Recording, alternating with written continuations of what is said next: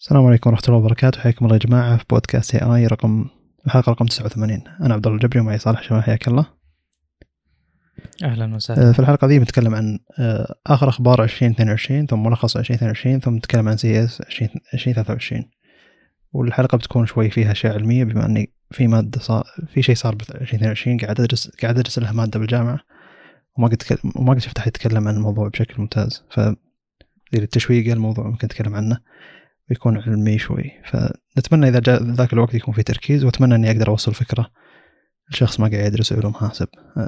لأشخاص بسيطين. هذا دائما يصير الهدف يعني. حتى قبل فترة في بحث أرسلته لواحد من الشباب اللي يعتبر يعني ما درس ما درس علوم حاسب فقاعد أشوف إذا كان يقدر يفهم البحث اللي أنا سويته. وأعتبر البحث ناجح إذا كان إذا كان شيء إذا كانت الفكرة قاعد توصل شخص ما, ما هو دارس المادة. فأتمنى إن شاء الله أنه يكون شرح ممتاز للشيء اللي في بالي. هذا أكثر شيء متحمس إني أتكلم عنه اليوم. لكن في أشياء ثانية اللي هي أجهزة والأشياء اللي صارت بعالم التقنية بشكل عام. فنبدأ أول شيء بشاومي عند صالح. حلو.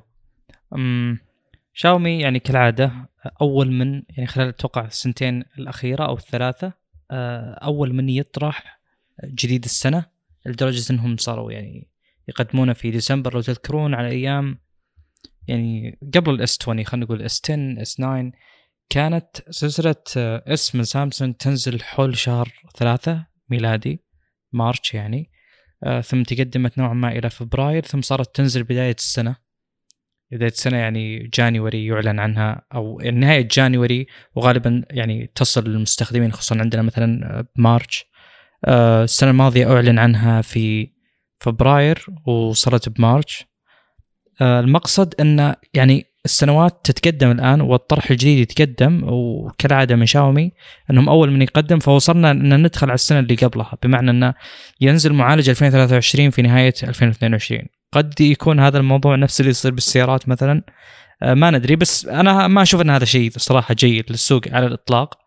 آه، يعني جديد السنة ينزل خلاص مع بداية السنة يعني يعلن عنه مثلا في 25 ديسمبر لكن يباع مثلا في بداية السنة أو ايا كان. يعني آه، المقصد إنه تتداخل السنين الآن خصوصا مع وجود تحديثات لكل المعالجات في منتصف السنة وإلى آخره. فيعني شاومي أول من كسر ربط السنين ولا زالوا مستمرين. أنا توقعت إن الموضوع مرتبط بسنة أو سنتين لكن له تقريبا الآن ثلاث سنين. فنزلت يعني النسخة المعتادة أو السلسلة المعتادة شاومي الرقم. أول كان مي ورقم الآن رقم فقط. فعندنا شاومي 13 و 13 Pro. آه، الأجهزة عادة عادة يعني تكون بمواد تصنيع ممتازة بأعلى resolution للشاشة. عشان بس ناخذ على قولتهم منظور أو perspective على وش نتوقع من هذه الأجهزة عادة. آه هذه الأجهزة يعني أعرف أشخاص كثير استخدموها. آه يعني في انتقادات نوعا ما وفي أمور جدا ممتازة. من ضمن الأمور إنه لا يمكن تقارن مثلا بين نسخة التي أو التي برو مع نسخة بداية السنة. هذا شيء أنا مريت فيه فعليا. آه، الفرق كبير جدا من ناحية الجودة يعني عموما. آه، ولو حتى لو كانوا كلهم زجاج من الخلف حتى لو كانوا يعني آه، كلهم بنفس المواد على الورق على أرض الواقع يختلف. ومن أبرز الأمور طبعا الشاشة. فهذا الموضوع نوعا ما مستمر إلى الآن لكنهم فرقوا بين النسخة نسخة ال 13 و 13 Pro بعض الأمور من ضمنها الشاشة. ف resolution الشاشة أقل آه، بالنسخة النسخة العادية آه، وفي أمور يعني كثير آه، تغيرت بسبب مثلا تغير resolution من ضمنها يعني الوزن في فرق كبير جدا بينهم. فنوعا ما أبدأ أسرد المواصفات. فرق الوزن مثل ما ذكرت يبدأ من 185 للعادي و189 يعني وزنين. أو ال Pro 210 إلى 229 آه، ففي فرق كبير جدا بينهم. آه، بالنسبة لمقاومه الماء والغبار كلهم فيهم IP 68 الشاشة أنا قلت لكم انه في اختلاف. LTPO أو اللي هو التغير ال refresh rate المتنوع أو المتغير آه، موجود على نسخة ال Pro فقط. كلهم 10 bit كلهم 120 هرتز. وهذا شيء معتاد في الوقت الحالي. كلهم يبدون من 1200 brightness وال peak 1900 وهذه أرقام جدا ممتازة. ونوعا ما تعودنا عليها. الملاحظ أن النسخة الأصغر حجمها جدا يعتبر صغير آه، أو النسخه النسخة العادية. عادة الحجم 6 67 أو 6.7 آه، إنش. الآن 6.36 مع الأخذ بالحسبان إن ال screen to body ratio يزيد فالجهاز هذا أنا أشوفه أصغر من المعتاد قد يعجب ناس كثير بشكل كبير. وبالنسبة لي تصغير الحجم مع وجود اختلاف الشاشة اللي هو ال resolution 1080 ب 2400 يعتبر شيء نوعا ما ملائم. آه إنه فرق يسوى إنك تسوي فرق ب resolution الشاشة. ما هو المعتاد إن نشوف جهازين Pro عادي آه كلهم بنفس الأبعاد تماما لكن يفرق ال resolution.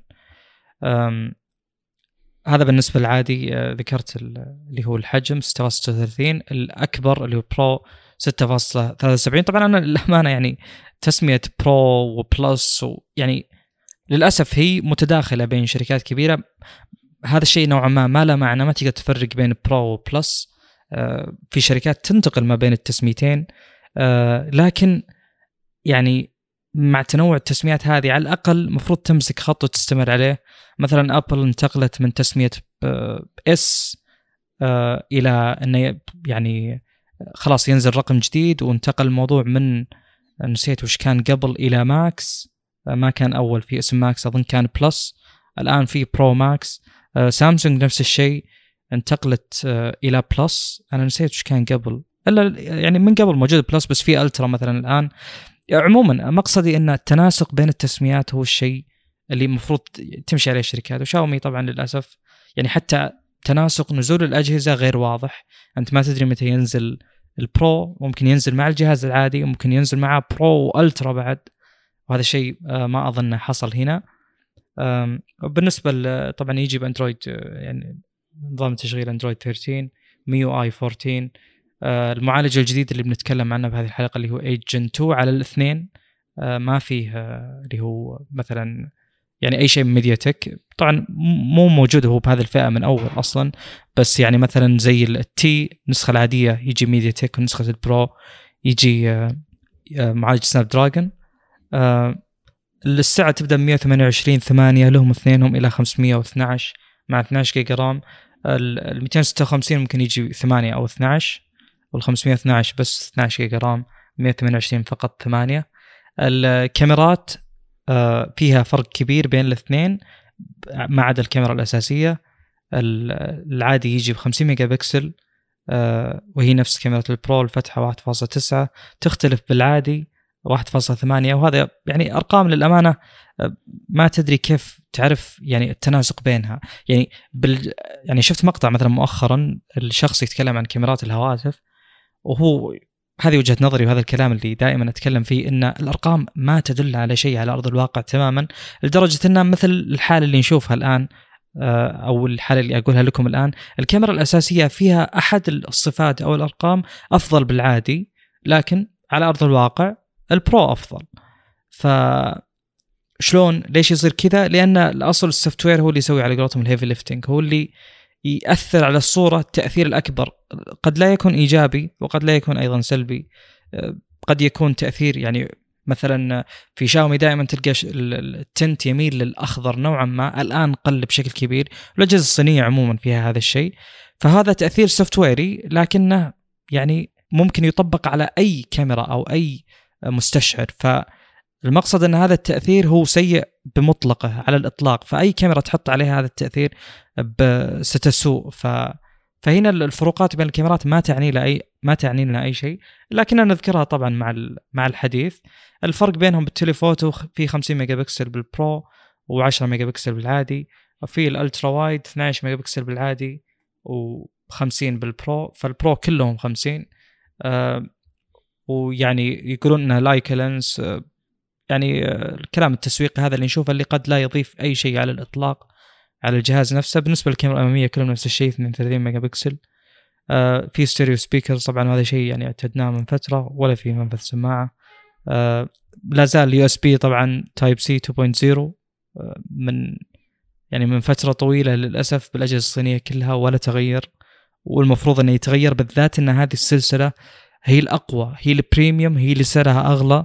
فالمفترض إنها تكون 3.0 على الأقل مع يعني video streaming بالنسبة للبصمة تحت الشاشة البطاريات ما في تحسن ولا سوء يعني للأسف. يعني وصلنا إلى رقم 5000 خصوصا تلقاه يعني بال ال 11T وال 11 12T و 12T Pro أيضا ال 11T Pro فيه 5000 ملي امبير الآن 4500 للعادي و4820 لل pro. الشحن 67 للعادي و120 آه لل pro. آه هذه المواصفات مجملا.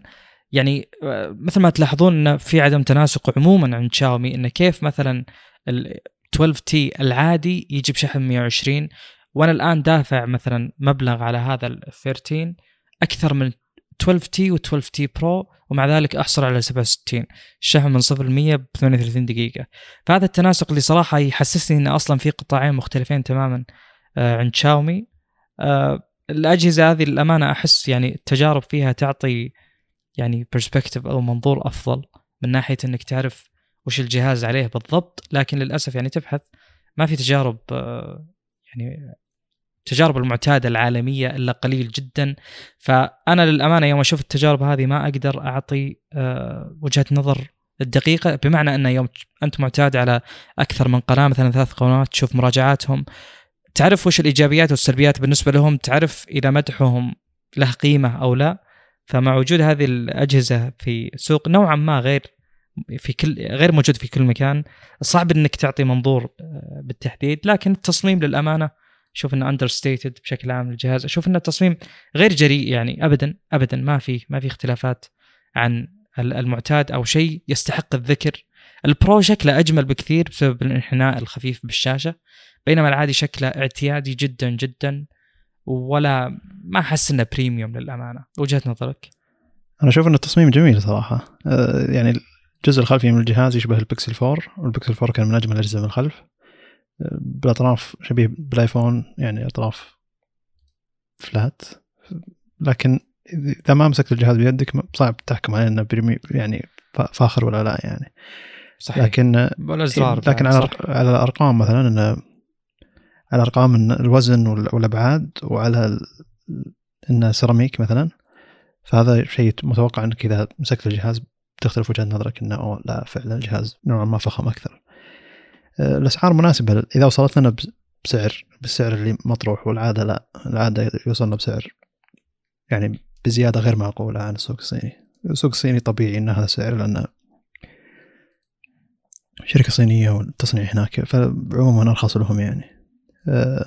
الكاميرا حقت ال pro هي نفس اللي موجودة على 12S Ultra. فزي 12S Ultra كان مجرد تجربة للمستشعر فدام إنه بدأ ينجح وبدأوا يتعودون على إنه يعرفون يضبطون ال auto focus فيه ويعرفون شلون الكاميرا هذه قاعد تصور. فمن الجيد إنهم جربوا الكاميرا أو المستشعر قبل لا يحطون المستشعر ذا على الجهاز الجديد وهذا يعتبر شيء جيد. يعني كان ال 12 إس ألترا كان نوعا ما سعر مبالغ فيه مبالغ بحجم الكاميرا من الخلف يعني الجهاز ما هو مرة موجه لأنه يطلق عالميا. واتوقع الشركات ذي يعني في عندهم فكرة انه في خطورة إنك تنزل جهاز فوق 3500 ريال وأنت ما زلت شركة صينية عند العالم الباقيين. لكن تنزل هذا في الصين الصين يعرفون أنت من أنت وأتوقع إنه يقدر يقدر يبيع صح. لكن في مخاطرة إنك تنزل جهاز بالسعر هذا خارج الصين نفسها. ف الا أن أغلب اللي خارج الصين جابوا الجهاز آه، خاصة التقنيين يعني عندهم شغف كبير إنهم يجربون آه، شاومي مع مستشعر تقريبا واحد إنش يعني. البصمة على الشاشة optical وهذا يعتبر شيء جيد. تقريبا أول مرة شاومي تنتقل ال optical ال optical يعتبر فيه مشكلة كثير من شاشات آه لا آه إيه لصقات حماية الشاشة تخلي البصمة ما تشتغل بشكل ممتاز. فتحتاج حماية للشاشة تدعم إن البصمة الاوبتيكال تاخذ آه تشتغل صح. هي أسرع بكثير من ناحية إنك إذا لمست لمسة وخرت على طول. لكن من ناحية إنه إذا كان في شيء قدام الشاشة لصقة حماية رخيصة مثلا لا. دائما اللي اللي ياخذ صورة اللي ما هو الأوبتيكال الثاني اللي يعتبر ياخذ صورة أو يعني زي اللي يضيء الشاشة بقوة علشان ياخذ صورة لبصمة اصبعك السلبيات إن الوزن عالي البطارية أصغر من قبل ال USB للحين 2.0 النسخة العادية 1080 هذا شيء يعتبر مرة غريب. والاشياء اللي ننتظرها أداء المعالج نفسه. وشيء مخيف مرة إنك تنزل الجهاز بالوقت هذا يعني نزل حتى قبل 2023 ترى يعني أعلنوا عنه بنهاية 2022 آه، إحنا ما نعرف المعالج أصلا. صحيح إنهم أعلنوا عن المعالج كوالكم لكن آه، دائما أول واحد ينزل معالج يطيح فيه مشاكل إنه أوه المعالج فيه مشكلة الفلانية مشكلة الفلانية. صارت مع موتوريلا سابقا والحين والحين أتوقع تصير مع شاومي. أغلب المراجعات الحالية للجهاز بتشوف إنه اوه في مشاكل حرارة ما أدري شو لأنهم دائما يستعجلون على الجهاز يستعجلون على المعالج. لكن الحين لو تروح تاخذ مثلا نسخة 12 أو 12 Pro اللي موجود عليها ال 8 Gen 1 العادي مو ال plus بتلاقي ان مشاكل الحراره ذي راحت لأن في البداية كانوا مرة مستعجلين إنهم ينزلون أول جهاز بالمعالج الجديد ككلام تسويقي لكن دائما يطيحون بمشكله هم شاومي موتوريلا دائما يطيحون بمشكله إنه أوه الجهاز قاعد يحتر فيه مشاكل. وإذا جت سامسونج الله حابكة الاستهلاك مقابل حرارة الجهاز والأشياء هذه ف زي اللي صحيح إن سامسونج تأخرت لكن أعطتنا نوعا ما أداء أفضل المعالج مقابل الحراره واستهلاك الطاقة. فالحين الشيء المنتظر من المعالج ممكن يكون حتى لو انهم استعجلوا فيه يكون جيد فهذا يعتبر جيد حتى ال S23 الجديد ال Ultra وال Plus وغيره. فيكون معالج واعد جدا إذا كان من البدايات. ما في أي حرارة ما في أي استهلاك للطاقة. فإذا كان أداء جيد من البداية. وهذا شيء متوقع يعني. الانتقال مع التسمية الجديدة أتوقع إن شاومي شوي لا كوالكم نفسها بدأت تعرف وين قدراتها تعرف وش تقدر تسوي علشان تخلي الناس آه، ما يعانون من حرارة واستهلاك طاقة عالية. خاصة مع ال 8 Gen 1 Plus كان مرة معالج ممتاز وما فيها حرارة. حلو. يعني كذا حاولت أجمع معلومات أه الجهاز 256 و 512 يجي عليهم UFS 4.0 وهذا شيء يعني أعتقد جديد بالسوق. أه في أحد المستخدمين يقول لاحظت فروقات كبيرة. آه، بالنسبة للمعالج الجنتو يعني بشكل عام الانطباع الأول إيجابي. ما أدري إذا شفت أنت سلبيات ولا لا. آه، بس إنه إيجابي جدا يعني آه، في واحد يقول يذكرني ب 865 لأنه كان من يعني من المعالجات اللي جدا متوازنة ولا فيها مشاكل وإلى آخره. ممتاز. بالإضافة إلى النقطة اللي بضيفها في واحد يذم MIUI 14 يقول انه يحتاج يعني optimization وهذا شيء معتاد للأمانة في كل واجهة أو جيل جديد من شاومي يعني أنت تدري إنه بعد شهر بيتحسن بشكل كبير جدا. وفي واحد أيضا إيه، ينتقد بشكل ما كبير البطاريه شيء ثاني ما نزل على MIUI 14 الحين ما نزل على أي جهاز ثاني غير 13 13 Pro. أتوقع إنهم يحتاجون وقت أكثر يعني. مم. نزل النسخه الصينيه بعض الناس نزلوها كذا لكن كنسخة رسمية نزلت السوق لا. أنا ال 11T الحين ما جاء. حتى نسخة 12 12T ما أتوقع جاء التحديث الحين. حلو. فأنا شفت مدح للأمانة وأنا أقرأ يعني بالمستخدمين مدح كبير على المعالج الجديد. في ناس يقولون big step يعني جميل. مقارنة باللي قبل. يعني هو دائما إحنا نتكلم عن المعالجات انه أكيد كل معالج أجدد كأداء وكأرقام وك benchmarks أفضل. بس هذا لا يعني إنه المعالج المتزن اللي بيحافظ على ادائه وإلى آخره بمعنى إنه يوم يجيني المعالج مثلا ما يسخن أبد ومع ذلك يعطيني أداء مستقر أفضل من إنه بمجرد ما أرمي عليه مهام يعني يسخن آه، بناء على احتياجي أنا. بمعنى لو ننظر كذا منظور بعيد آخر آه، كل الأشياء اللي نستخدمها المفروض تكون يعني بالإنجليزي فولت بروف المفروض تكون يعني فيها وقاية من الخطأ.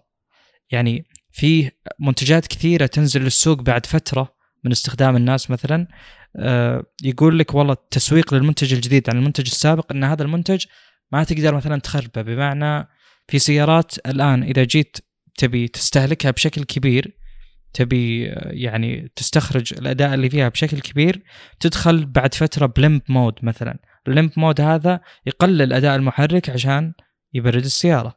فأنت تبي المعالج وال combo الكامل لل يعني ال system on chip هذا إنه يكون ما أقدر أخربه أنا ما أقدر أوصله لل throttling ما أقدر أوصله للمشاكل هذه. أنا أبيه هو يحمي نفسه. أنا أبيه إذا هو عنده مشكلة يقول لي انتظر شوي. مو يخليني استخدمه زود ويبدأ ي crash وتبدأ مشاكل تعليق وكذا.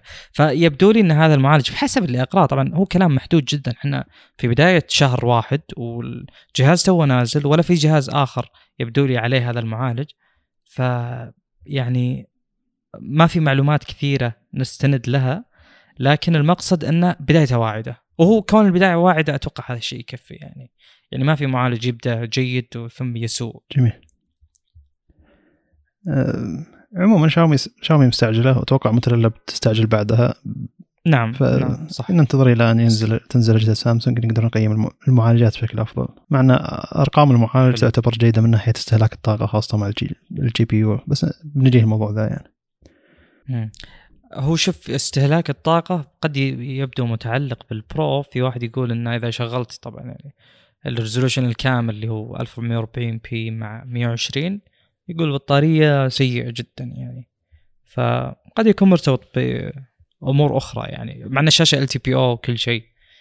لكن يعني هي سبحان الله البطارية صعب تقيمها لحالها لابد تكون مرتبطة ب context بسياق بجهاز معين. ترى الجهاز مبالغ فيه من ناحية حتى السطوع. يعني 1900 nit ال peak أتوقع إنه لو يش- يشغل يشغل صح. على شيء 120 1440 ويطلع بالشمس 10 دقائق الجهاز يحتر زي اللي صاير مع الآيفون يعني. أتوقع أن إحنا وصلنا لمرحلة إن إضاءة الشاشة في درجة معينة بعدها يحتر الجهاز فالمفروض إنه ما نوصلها. الآيفون الأخير وصل إلى 2000 نت لكن أغلب الناس يعني يعانون من ان مشكلة إذا طلع بالشمس. تقريبا بعد ربع دقائق من رفع من استخدام الجهاز مع أعلى سطوع يحتر الجهاز وينزل السطوع لدرجة ما ينشاف ما ما تقدر تشوف فيها الشاشة بسطوع عالي للشمس يعني. فنفس الفكرة الحين هنا. أتوقع إنه في نقطة معينة كذا sweet spot يعني إنه لا تسبب حرارة وتخليك تشوف الشمس فالمفروض ان نوصلها المنطقة دي. حلو. طيب هل ننتقل لل- للأوبو؟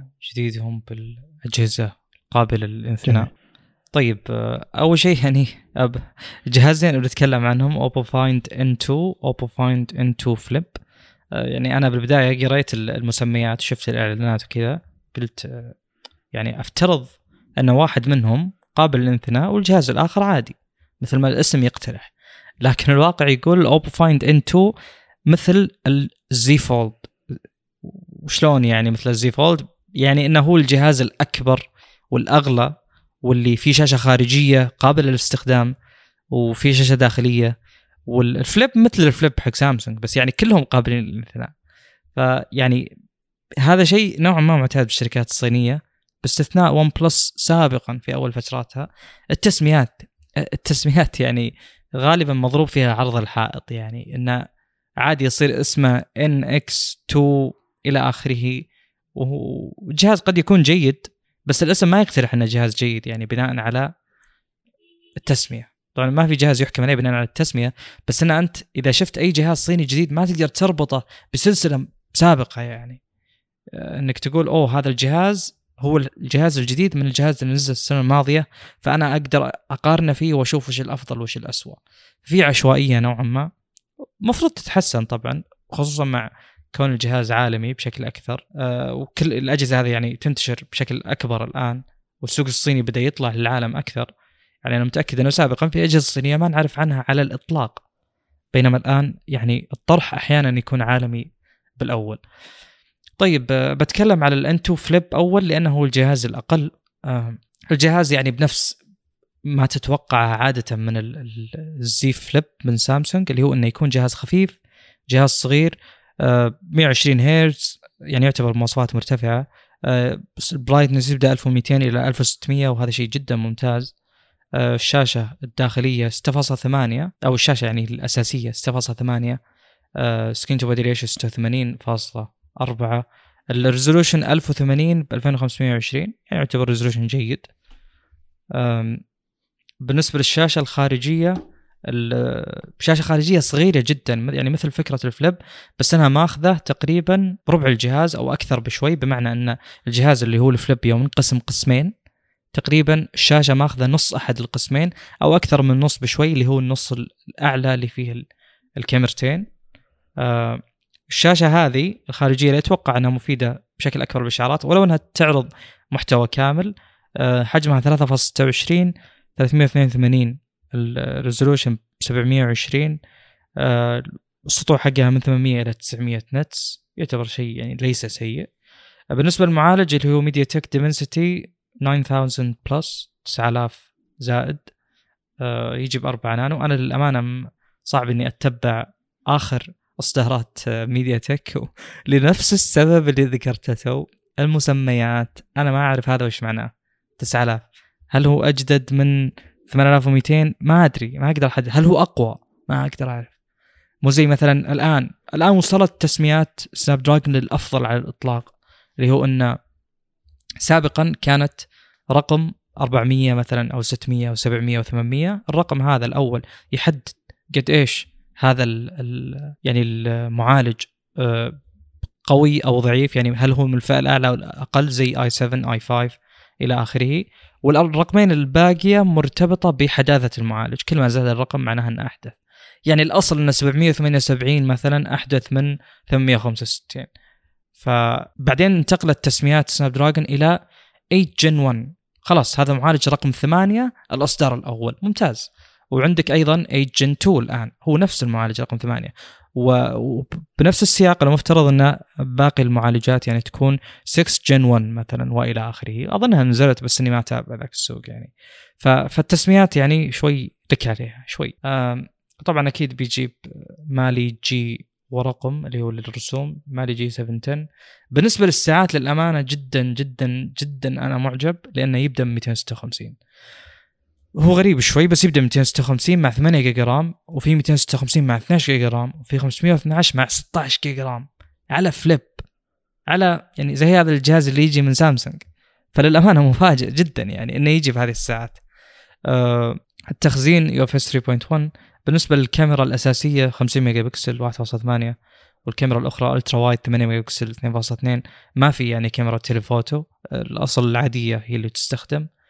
أه مثلا الآن أقدر أستنبط أن المعالج ما هو بمستوى 8 Gen 1 لأنه ما يدعم تصوير مثلا 8K يدعم 4K إلى 60 frame. بالنسبة للكاميرا الاماميه 32 ميجا بكسل فتحة 2.4 آه يجي فيه طبعا stereo speakers بدون jack 3.5 USB 2.0 Type-C 2.0 طبعا.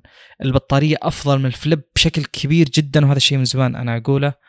4300 ملي أمبير. مقابل ما أدري 3300 أو 3500 رقم متواضع جدا من ال Flip. آه، بالنسبة للشحن 44 واط. السعر آه، المكتوب اللي أشوفه 800 يورو أنا ما أدري كم سعره بالضبط. لكن بناء على هذه الأرقام المفترض إن الجهاز هذا يسحق ال Flip يعني على الأقل هاردويريا. آه يعني الموضوع متعلق ب ColorOS تحديدا. قد إيش بيكون كويس يعني مقابل One UI. لكن يعني كأرقام كون أن أوبو قدرت تسوي هذا الشيء. هنا أنا أعتقد جدير بسامسونج إنها تقدم على الأقل بطارية أعلى والأمور هذه مجملا تكون أعلى. أنا ما أدري طبعا عن المعالج لكن حلوة أرقام الجهاز. إذا عندك شيء تقوله أو تتكلم ال N2 جميل. لحظة الحين. أنا ما فهمت ال N2 Flip هو نسخة هو ال Flip. وال N2 هو ال N2 هو ال Fold. N2 اي هو الأعلى شيء هو الغالي هو ال... بس ما يبون يسمونه ال Fold لأنه على أساس إنه هو الأساسي. أنا أفترض إن الاسم كل ما طال يعني الجهاز أفضل. وهذا اللي خلاني أزعل على تسمية Lite عند أغلب الشركات. جميل. العاده كل ما طال الاسم يعني أزين. طيب. لكن هنا الوضع يختلف. ال N2 هو الأفضل. N2 Flip لا أقل يعني. طيب, طيب بالنسبة نتكلم عن المعالج لحظة. 9000 و... Dimensity 9000 Plus هو ترى نفس نسخة ال 8 Gen Plus. يعني 9000 نزل أول السنة 9000 Plus نزل تقريبا نهاية سنة نص السنة يعني تقريبا. أه تعديل بسيط جدا حلو. يعني.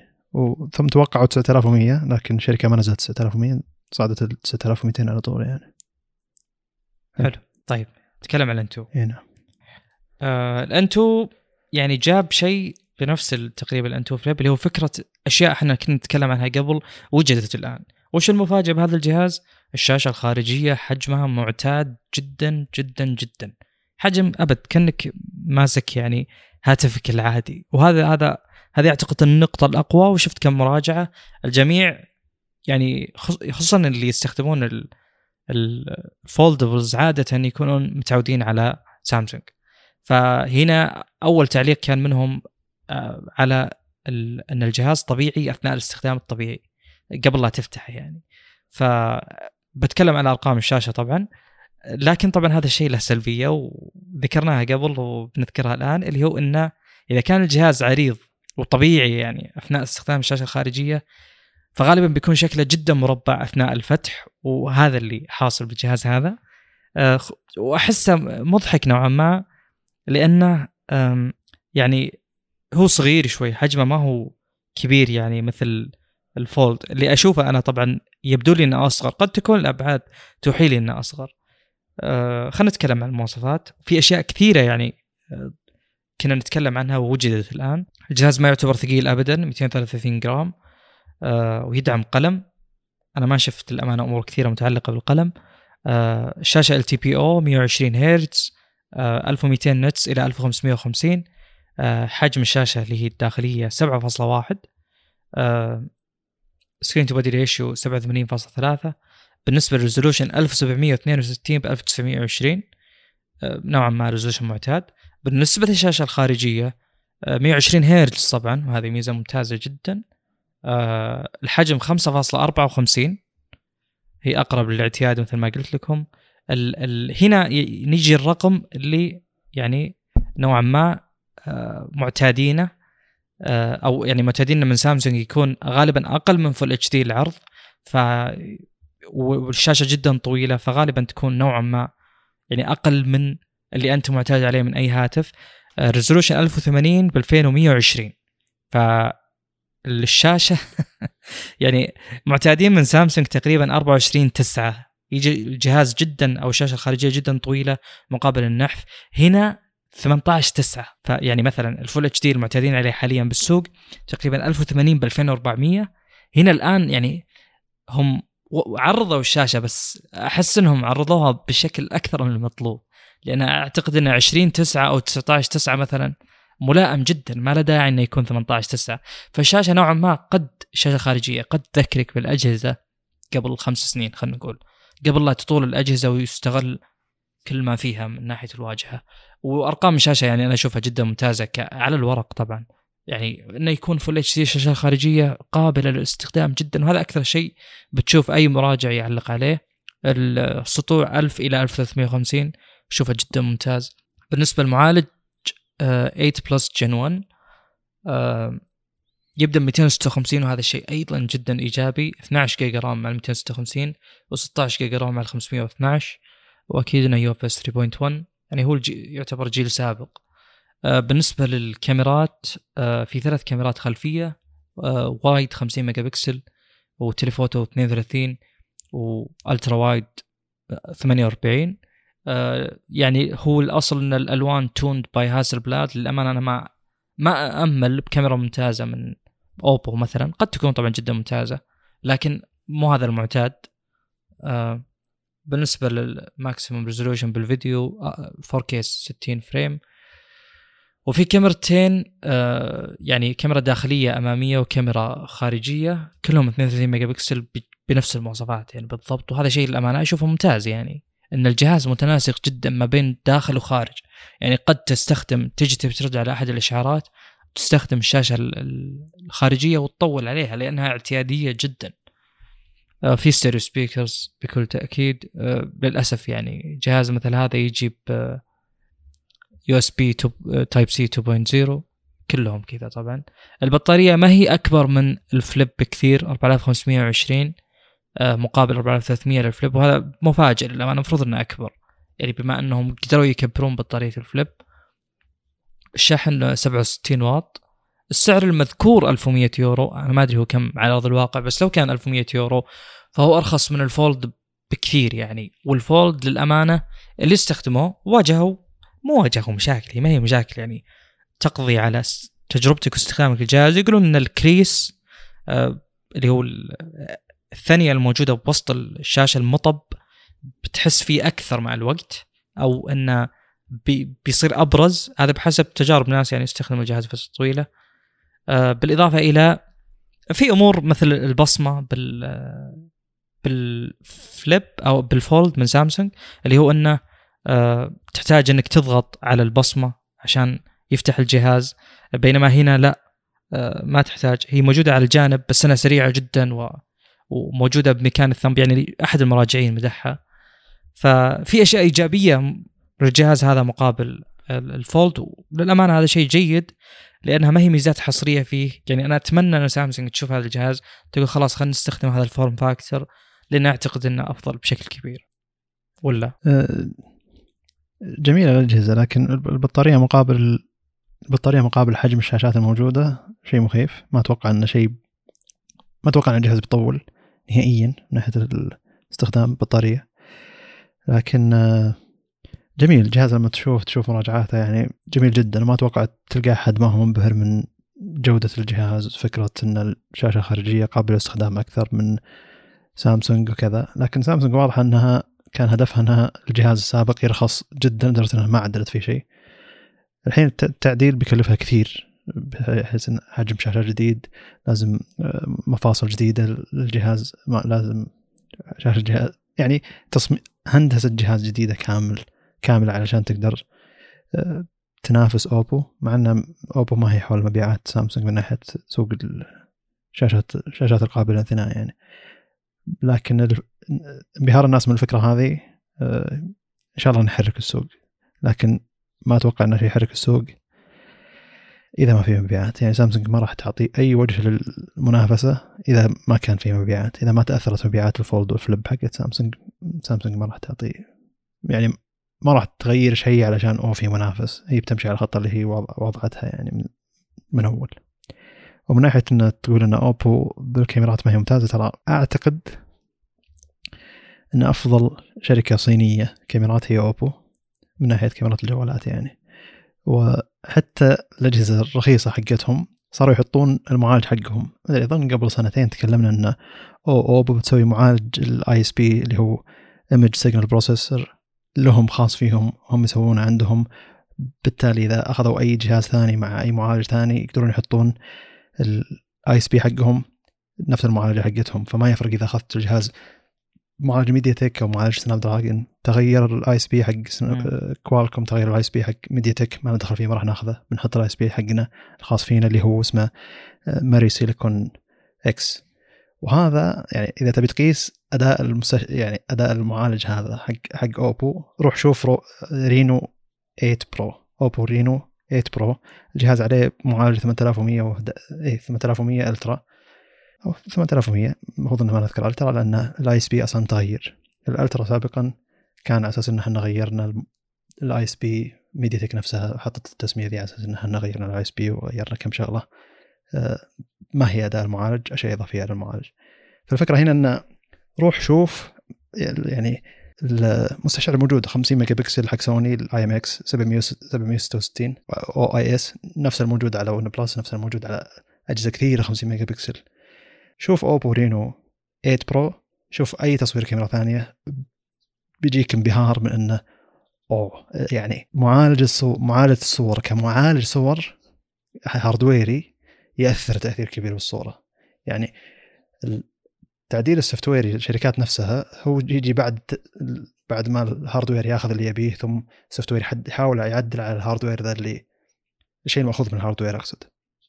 فالفكرة هنا إنه لا خلنا إحنا من ال hardware نفسه ناخذ اللي نبيه من المستشعر بالتالي يصير التعديل حتى بسيط. فتكون الكاميرا أسرع تكون الكاميرا أفضل لأن بدل ما هي أكثر من خطوة عشان التعديل على الصورة هي تقلل الخطوات هذه تصير الشركة تقريبا بشكل مباشر تأخذ اللي تبيه من المستشعر والتعديل اللي عليه يصير أبسط. ف روح شوف مراجعات رينو أوبو رين أوبو رينو 8 Pro. شيء مرة مبهر الكاميرا. الجهاز يعني ما أقدر أنصح فيه. وخاصة إذا بيوصلنا أتوقع إنه بيوصلنا فوق 3000 ريال يعني. آه، لكن آه، الكاميرا مرة ممتعة. جدا جدا ممتع إنك تشوف تصوير خاصة بالوضع الليلي. بالجودة هذه من جهاز عليه معالج ميديا تك 8100 طلعنا عن سالفة إن الاجهزه لا لا بالعكس بالعكس بالعكس. لكن لا جميل جدا الكلام عن الكاميرات. أنا شفت يعني شفت يعني اختبارات كاميرا والتصوير الليلي آه، اللي هو الرينو 9 صح؟ 8 آه، شفت Pro. مرة ممتاز بس 8 Pro هو ال... آه okay حلو. فأنا شفت القفزة هذه لكن يعني كشخص غير مطلع أنت ما تقدر تميز بالنسبة لي طبعا ما أقدر أميز متى هذا الجهاز يكون ممتاز. بمعنى يوم تشوف كاميرا الآيفون في تناسق كبير جدا بينهم ولو إنها الآن تعتبر في أسوأ فتراتها بالنسبة لي من ناحية التعديل آه، اللي ما له داعي لل... بالذات skin tones يعني. ف لكن آه، تعرف وش تتوقع؟ فأنا أحس العشوائية نوعا ما هي اللي تخلي أنا ما أقدر أقول إن الكاميرات زينة. ولو إن الآن أنا لي زميل يستخدم 12T Pro معجب جدا بالكاميرا خصوصا تحديد الأطراف بال يعني portrait mode وكذا. جدا جدا مع... يقول الكاميرا مفاجاه خصوصا بالتصوير م. الخارجي. فلو تسألني أنا عن وجهة نظري بشكل عام وعلى موضوع اللون ال tint يعني اللون الأخضر وكذا بقول لك إنه سيء جدا إلى الآن. لأن أحس إنه جهاز واحد ما يكفيني إني أقول والله خلاص يعني انتهى موضوع اللون الأخضر بالأجهزة الصينية. ما هو يعني ما هو انتقاد ولا هو تعصب ولا هو شيء بس إنه العشوائية هذه تخليك ما تقدر تتوقع أه، بشيء معين من الجهاز. هم يقدرون بلا ادنى شك ال hardware موجود. يعني أغلب أجهزة الأجهزة الصينية عموما ما هي مقصرة بال hardware ابدا. لكن تناسق الصور خصوصا ما بين الكاميرات الموجودة أعتقد إنه هو أهم شيء. قد يكونوا متجهين هذا الاتجاه قد قد يكون هذا أول جيل بالاتجاه لهذا الاتجاه. ما ندري نشوف مع الوقت يعني ونقدر يعني نعطي تقييم أفضل. طيب آه عموما إن يعني كل الكلام إن الجهاز كل شيء فيه كل شيء موجود فيه متعودين عليه آه ما عدا إنه يكون آه يعني حجم الشاشة وأبعادها مع إنه كجهاز فولد مرة يعتبر غريب لكن نشوف تجربة الناس له هل هو يعتبر عملي أو لا.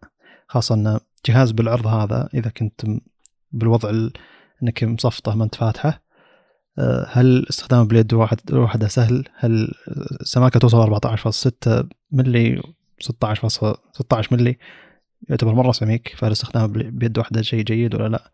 يعني كلها تحتاج تجارب واقعية فعلية.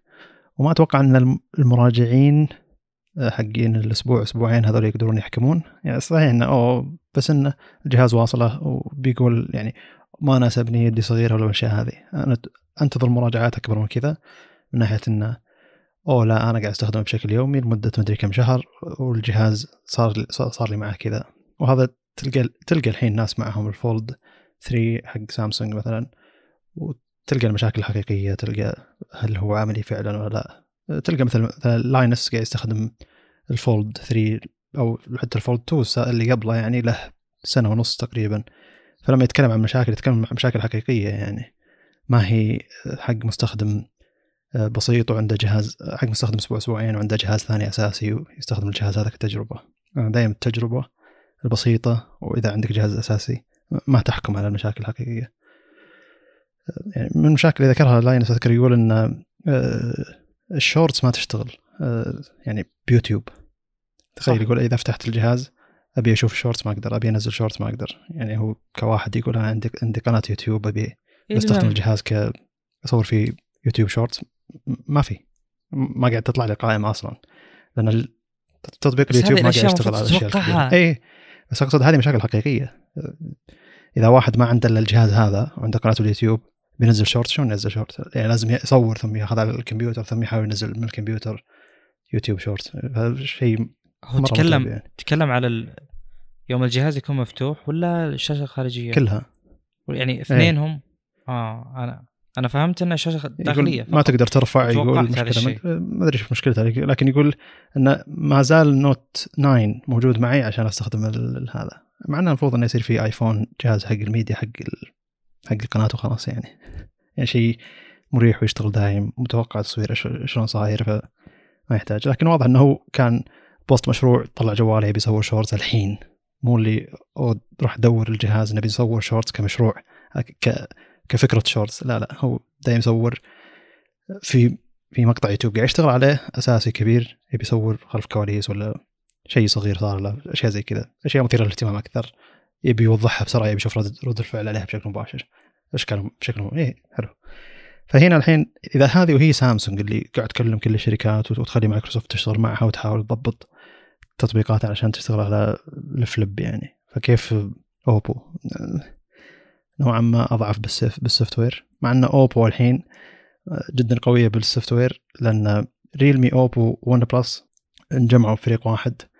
أتوقع إذا جربت أحد الثلاث اجهزه ذي تتوقع يعني جميع المزايا الموجودة في كل الأجهزة ذي بتكون موجودة بالجهاز الثاني. Oxygen OS الجديد يعني واجهة ون بلس الجديدة جدا مشابهه الريلمي واجهة ريلمي الجديد جدا مشابهه الاوبو إلى درجة مخيفة إنك ما أتوقع إنك بتفرق بينهم الا اذا دخلت شفت الواجهة هذه حقت. حقت مين. ف شيء نوعا ما إيجابي إن كل المزايا موجودة بكل مكان لكن اللي كان يفضل الشكل حق ون بلس اللي هو قريب من الخام والأشياء ذي خرابيط آه، ما راح يعجب ون بلس لكن اللي كان يشوف ان واجهه اوبو ممتازه اوبو ممتازة واجهة ريلمي ممتازة أيضا الحين صارت ون بلس واجهة ممتازة فزي اللي انجمعت بكل مكان. كل المزايا الموجودة تنتقل كل الأجهزة الموجودة. أنا أشوف إنه شيء إيجابي الحين يعني سابقا صحيح إني كنت زعلان لأني يحب ون بلس واجهتهم لكن بعد تجربة أكثر من واجهه صينية اكتشفت إنه لا ممكن الصينيين يكون عندهم فكرة أقوى انه يكون تطوير إن الواجهة واحدة كفريق واحد بدل ما نتفرق إلى ثلاث افرقه يحاولون كل واحد يسوي مزايا خاصة فيه. ويعني يصير صحيح إنه يصير واجهات متعددة وكذا لكن في مزايا هنا بيها هنا في مزايا هنا بيها هنا. فزي اللي وحدوا الفك وحدوا الواجهة بشكل تقريبي يعني.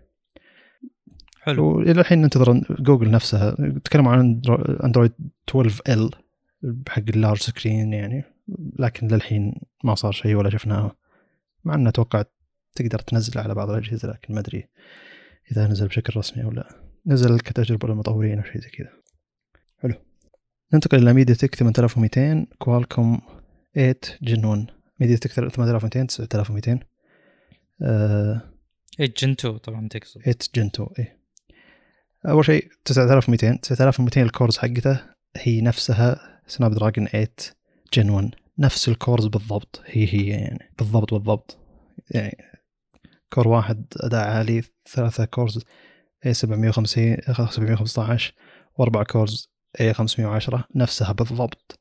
بنفس ال clock speed حقت Snapdragon 8 Gen 1 إذا كان الجهاز هذا هو Snapdragon 8 Gen 1 بدون حرارة فاذا كان المعالج ذا بالطريقة ذي فهو يعتبر معالج مثالي طبعا في أشياء إضافية عليه إنه يدعم واي فاي 7 بلوتوث 5.3 ال memory وال RAM ال LPDDR 5X يدعم إلى آه، معالجة الصور يدعم إلى أشياء مهولة 8 bit HDR 4K ثلاث كاميرات مع بعض إذا كان في الجهاز ثلاث كاميرات يعني.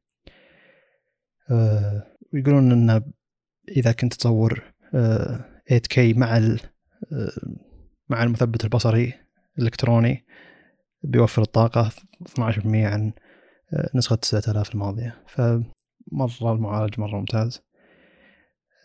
شيء شيء مبهر. صحيح إنهم قاعد يجيبون نفس تقريبا نفس المعالج اللي قاعد تشوفه من ناحية ال cores لكن إضافاتهم ومحافظتهم على على الحرارة بتكون أفضل بكثير. يعني MediaTek حاليا شركه مسيطره على السوق ترى ما زالت ما زالت هي رقم واحد في المبيعات تقريبا من ثلاث سنوات أربع سنوات.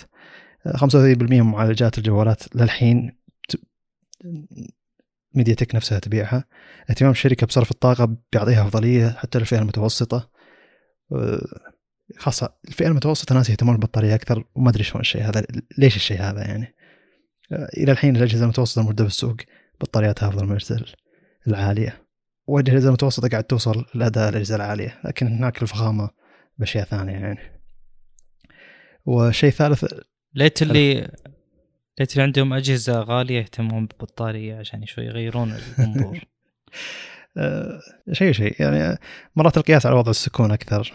ما أدري بس خلينا نكمل شوي.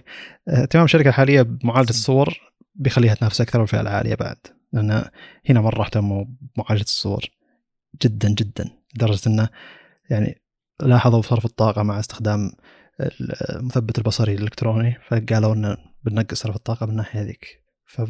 غريب. آه وال 8200 آه عن ال 8100 راحوا من ال 5 نانو إلى 4 نانو. نفس أداء الج... نفس صرف الطاقة حق 8100 بالضبط. ما في أي صرف طاقة إضافي.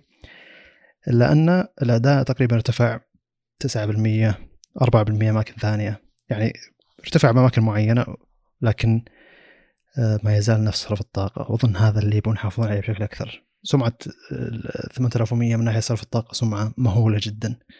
كل الناس تقول إن هذا المعالج المثالي إذا كنت بتاخذ جهاز فوق 300 دولار آه، فالحين زي اللي أعطوك أداء أفضل أعطوك صرف طاقة. المفروض انه صرف طاقة أقل لكن صرف الطاقه ما هو أقل لأنه أعطوك أداء أعلى.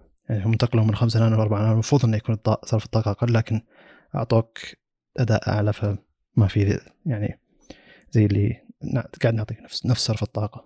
الناس ما كانت تشتكي من صرف الطاقة حق الجهاز الماضي فليش آه نخلي صرف الطاقة أفضل. صرف الطاقة كان ولا شيء يعني. آه ف يعني اللي يجي يتكلم عن معالجات ميديا تك على إنها أوه هي الشركة اللي فاشلة واللي قاعد تحاول تنافس لا.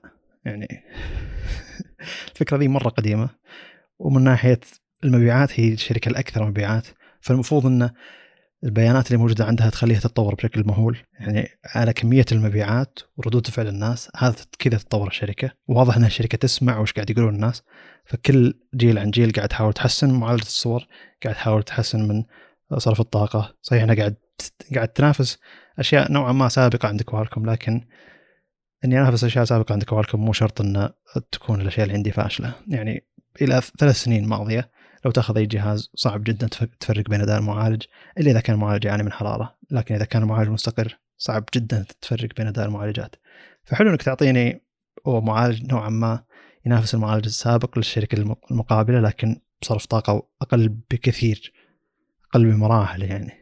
مرات ودك هذا الشيء يصير من كوالكم. يعني كوالكم أعطينا 8 جن 2 نفس 8 جن 1 بس بدون أي صرف طاقة إضافي أو قلل صرف الطاقة بشكل مهول وأعطني حرارة أقل بكثير. المرة ذي ما نبي رفع أداء يعني مع إن هذا الشيء مستحيل يعني. كل الأساليب التسويقية عن رفع الأداء وإن إحنا الأفضل.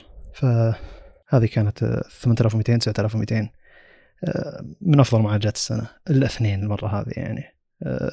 ولو انه صرف 9200 بيكون نوعا ما عالي شوي. لكن مقارنة بال 8 جن 1 ما راح يكون عالي لكن عالي بالنسبة للميديا تك نفسها. فعشان تقدر تنافس بالأرقام يعني.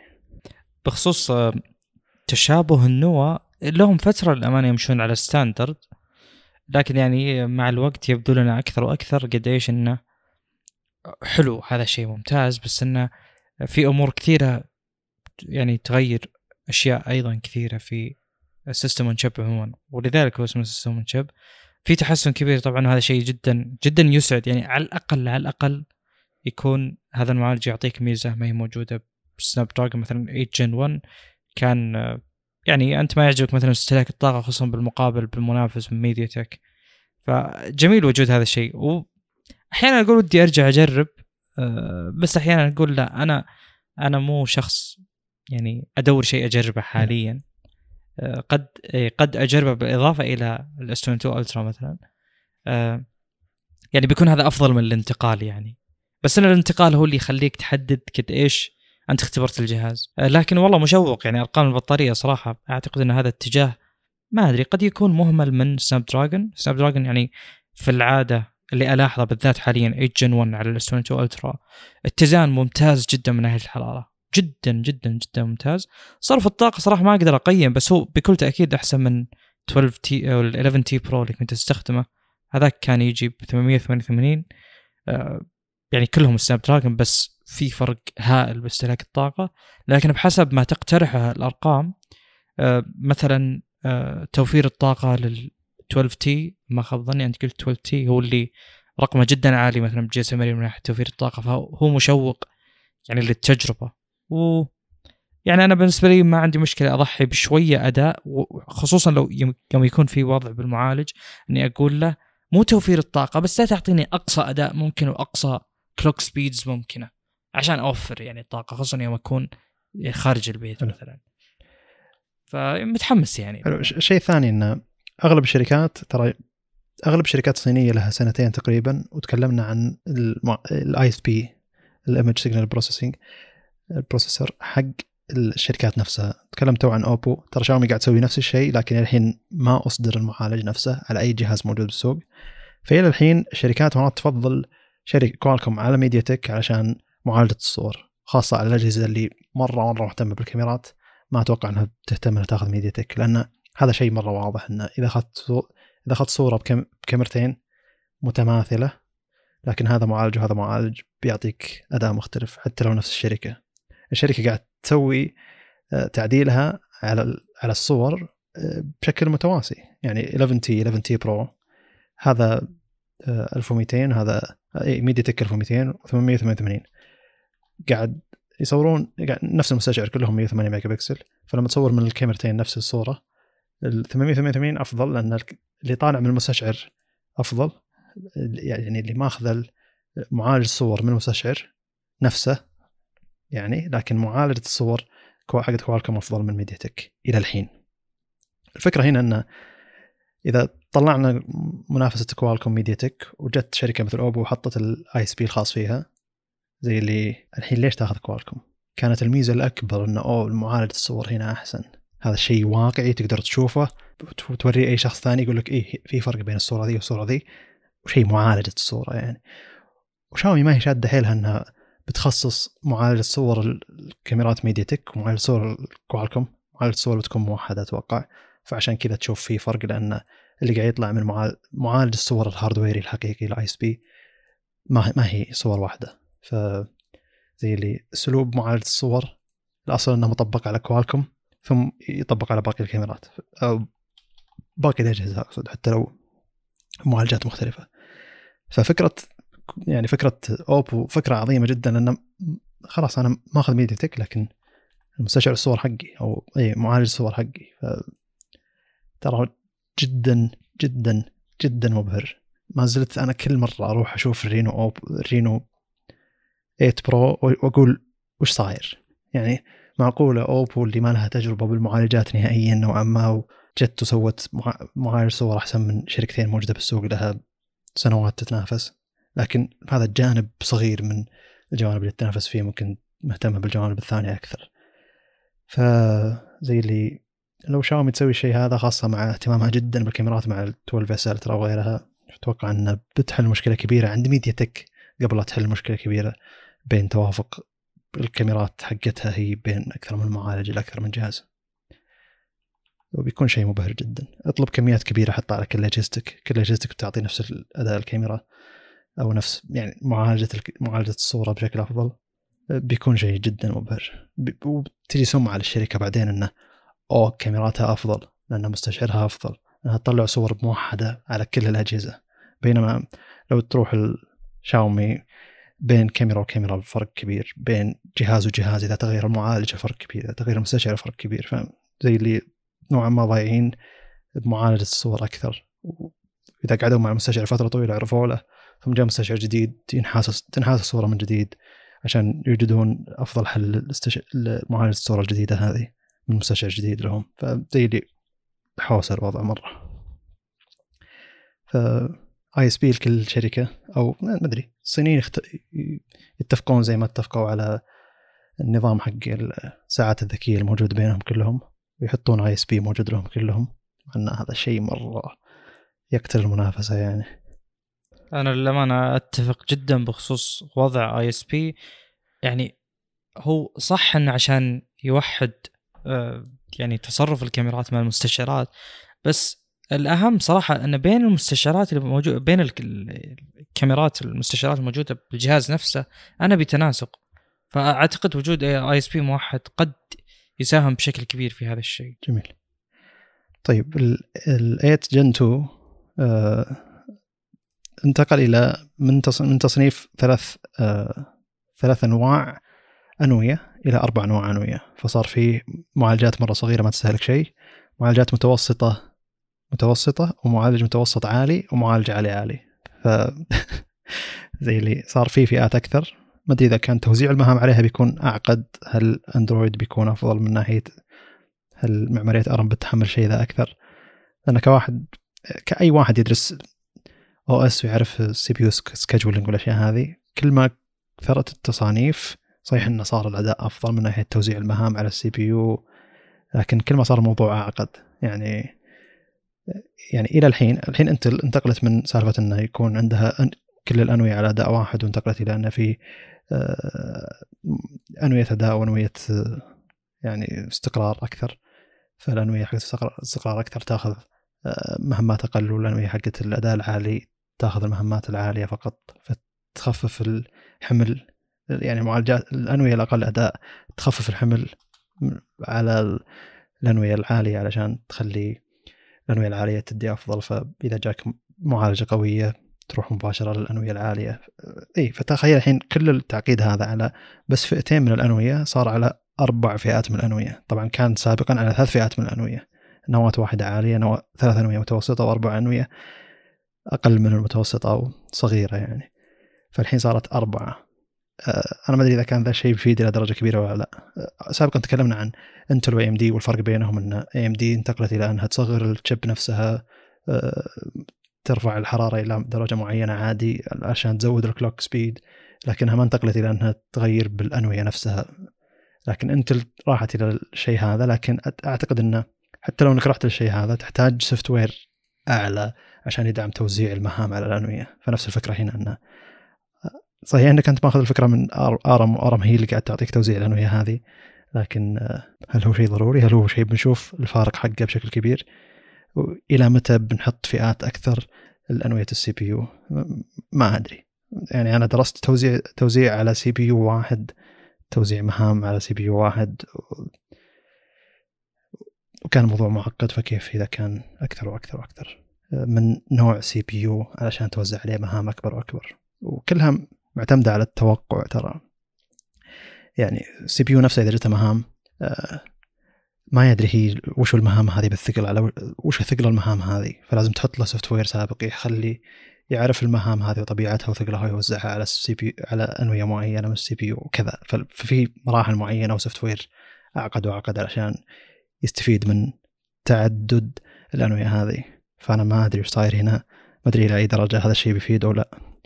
آه، شيء ثاني ال GPU نفسه. آه، انتقلنا من ادرينو 730 إلى 740 لكن شيء غريب ان استهلاك هذا ال GPU أقل بكثير من السابق. سابقا كان يستهلك 900 ميجا هرتز والحين يستهلك 680 ميجا هرتز فما أدري إيش الفكرة يعني.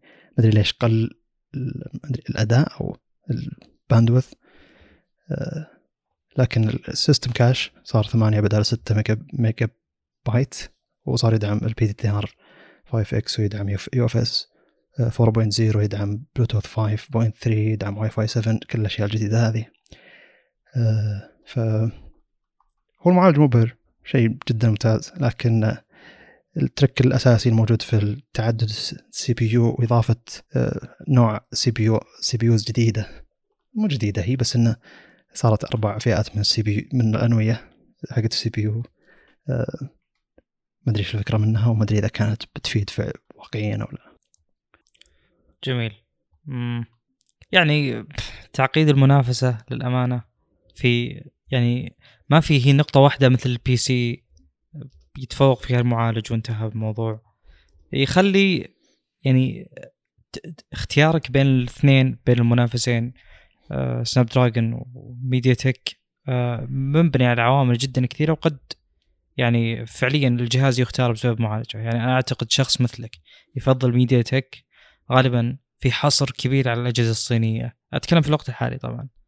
فهو شيء مشوق للأمانة ما توقعته ابدا. يعني توقعت إنه خلاص بيكون تفوق في أداء أو في استهلاك بطارية وخلاص ينتهي الموضوع. لكن الآن حتى التوجهات جدا مختلفة و يعني أشوفه شيء مشوق لكن على حساب صعوبة الاختيار مننا كعملاء. وطبعا الأسواق دائما تتجه إلى أن الأمور التفاصيل هذه دقيقه جدا مو أنت أنت يا مستخدم مو مفترض تشوفها أصلا عشان تقرر بناء عليها. وهذا الشيء طبعا يحدث في أبل بشكل أساسي. ف يعني ننتظر ونشوف أكثر وأكثر إلى أن إلى أين يتجه السوق. للأمانة لأن ما عندي أي تنبؤ يعني إنه أوكي هذه اتجاهات كلاسيكية نشوفها مثلا بسوق آه، الهواتف من زمان والآن صارت بسوق الكمبيوترات. لكن ليش صارت بسوق الكمبيوترات. وليش أنا أحتاج مثلا نواه توفير وأنا أستخدم PC؟ يعني ما يفرق معي هذا الموضوع بشكل كبير. لكن نكتشف بعدين إن نواه التوفير هذه ممكن فعليا تف... يعني تفرغ المهام الأصعب للنواه الأقوى. ف يعني في تعقيد أكثر من المعتاد. اسلم إذا رجعنا لل يعني ال benchmark مر جدا جدا واعد. يعني والأرقام جدا جميلة والتفوق يوصل ل 20% بأماكن معينة عن ال 8 Gen 1 العادي وليس ال Plus الأخير. آه، ف غريب. أماكن معينة صار فيها تعديل إلا أن الأداء ارتفع بشكل قوي في البنش مارك لكن الحين ما شفنا تجارب اداء أداء يعني. في فرق بين إنك تفتح تطبيق بنش مارك بوضع الجهاز فاضي جدا وبين إنك تستخدم الجهاز استخدام حقيقي. لأن الاستخدام الحقيقي هو اللي بيخلي فئات الكورز هذه تشتغل بشكل أكبر. بينما إنك تحط حمل عالي على الجهاز بس هذا بيروح الحمل العالي جدا. هذا على أكبر مع أكبر نواة ثم الأصغر الاصغر الاصغر لكن إذا في مهام جانبية أو أقل مهام بالخلفية قاعد تاخذها الكورز الأقل أداء فهنا يوضح الفرق. إذا كان في أشياء تشتغل بالخلفيه وأنت قاعد تستخدم الجهاز للألعاب والأشياء هذه هل بيأثر؟ هل الجهاز بيصير أقل حرارة؟ بنشوف الشيء هذا يعني. أه وانتقالهم أكبر ترى الحين TSMC يعني. أه سابقا كانوا يتعاونون مع سامسونج أكثر من ناحية التصنيع لكن الحين غالب تصنيعهم صاير TSMC نادر تعاونهم مع سامسونج. ما أدري قطاع سامسونج تصنيع المعالجات يعتبر غريب جدا الحين. أه، ما أقول إنه فاشل ولا شيء لا لا. بس في تعاملهم مع كوالكوم بينما ترى يعني هو أنجح قطاع عند سامسونج لأن سامسونج تبيع 7000 شيء غير الجوالات وكل الأشياء ذي لها معالجات صغيرة سامسونج نفسها تصنعها أجهزتها. فقيس على كم ثلاجة موجودة ومايكروويف والسامسونج موجود بالسوق ولا حتى معالجات التلفزيونات والأشياء هذه. كل شيء ذكي موجود تبيع سامسونج موجود معالجات خاصة فيها هي مسويتها. فهنا هنا قياس إن القطاع هذا ناجح أو لا بينما إن هي قاعد تصنع المعالج اللي يبونها كوالكم ما قاعد تصنع بالجودة اللي تصنع TSMC وهذا احتياج مرة دقيق ترى. يعني بقية الأجهزة عندك مساحة أكبر من ناحية كمساحة مساحة واقعية. وأنت تعرف إيش قاعد تصنع فتعرف وش المعالج اللي يحتاجه الشيء اللي أنت قاعد تصنعه. ف يعني ما ما تدخل بسالفة معالجه ما تدخل بسالفة software متغير عليك ولا في ألعاب تضغط على على الجهاز لما تقيس على أن أنت قاعد تصنع الأجهزة ذكيه internet of things يعني أقصد. حلو. جميل. طيب على سيرة المعالجات بنتكلم على معالجات الرسوميه الآن. حلو. آه، السوق آه، حصل له تحديث كبير الفترة الأخيرة. أعتقد إنه منتظر. وهو منتظر مو لأجل التطوير قد ما هو لأجل استقرار السوق. يعني أعتقد وجود شيء جديد بالسوق يدفع إلى استقرار الأسعار عموما وهذه مشكلة نتكلم عنها كثير.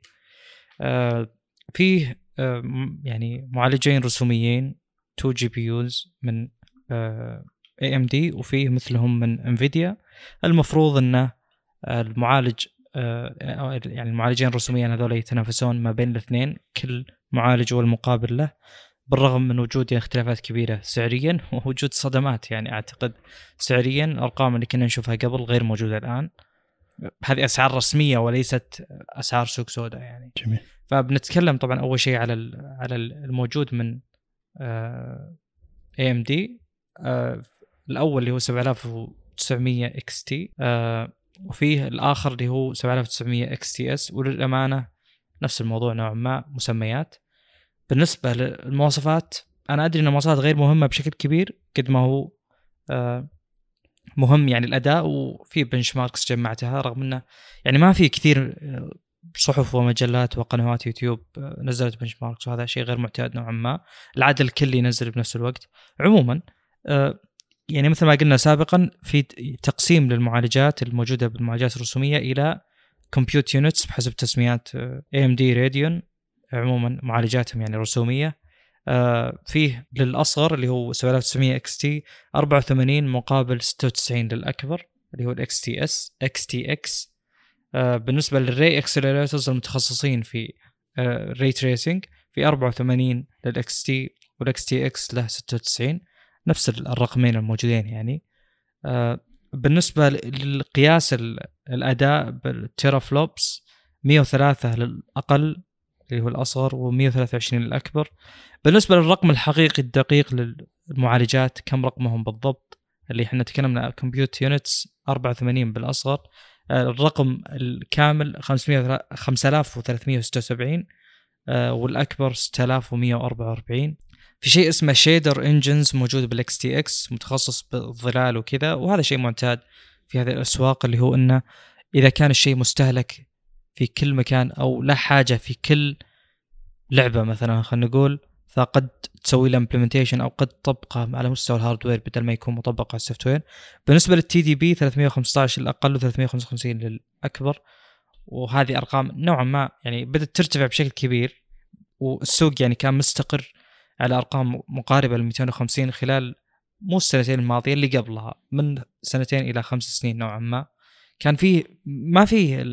الاحتياج اللي فيه كذا عطش لاستهلاك الطاقة الآن نشوفها بشكل أكبر قد يكون لأجل المنافسة. هي أسهل طريقة وأسرع طريقة أنك تزيد استهلاك الطاقة وتزيد ال heat sinks عشان توصل أداء أفضل. فقد قد أنهم نوعا ما يلجؤون لهذا الشيء. بالنسبة لل cache 80 للأصغر 96 للأكبر كلهم GDDR 6 آه كلهم بنفس ال memory speeds المقترحة اللي هي 20 جيجا. بالنسبة لل bandwidth 800 للأصغر و960 للأكبر.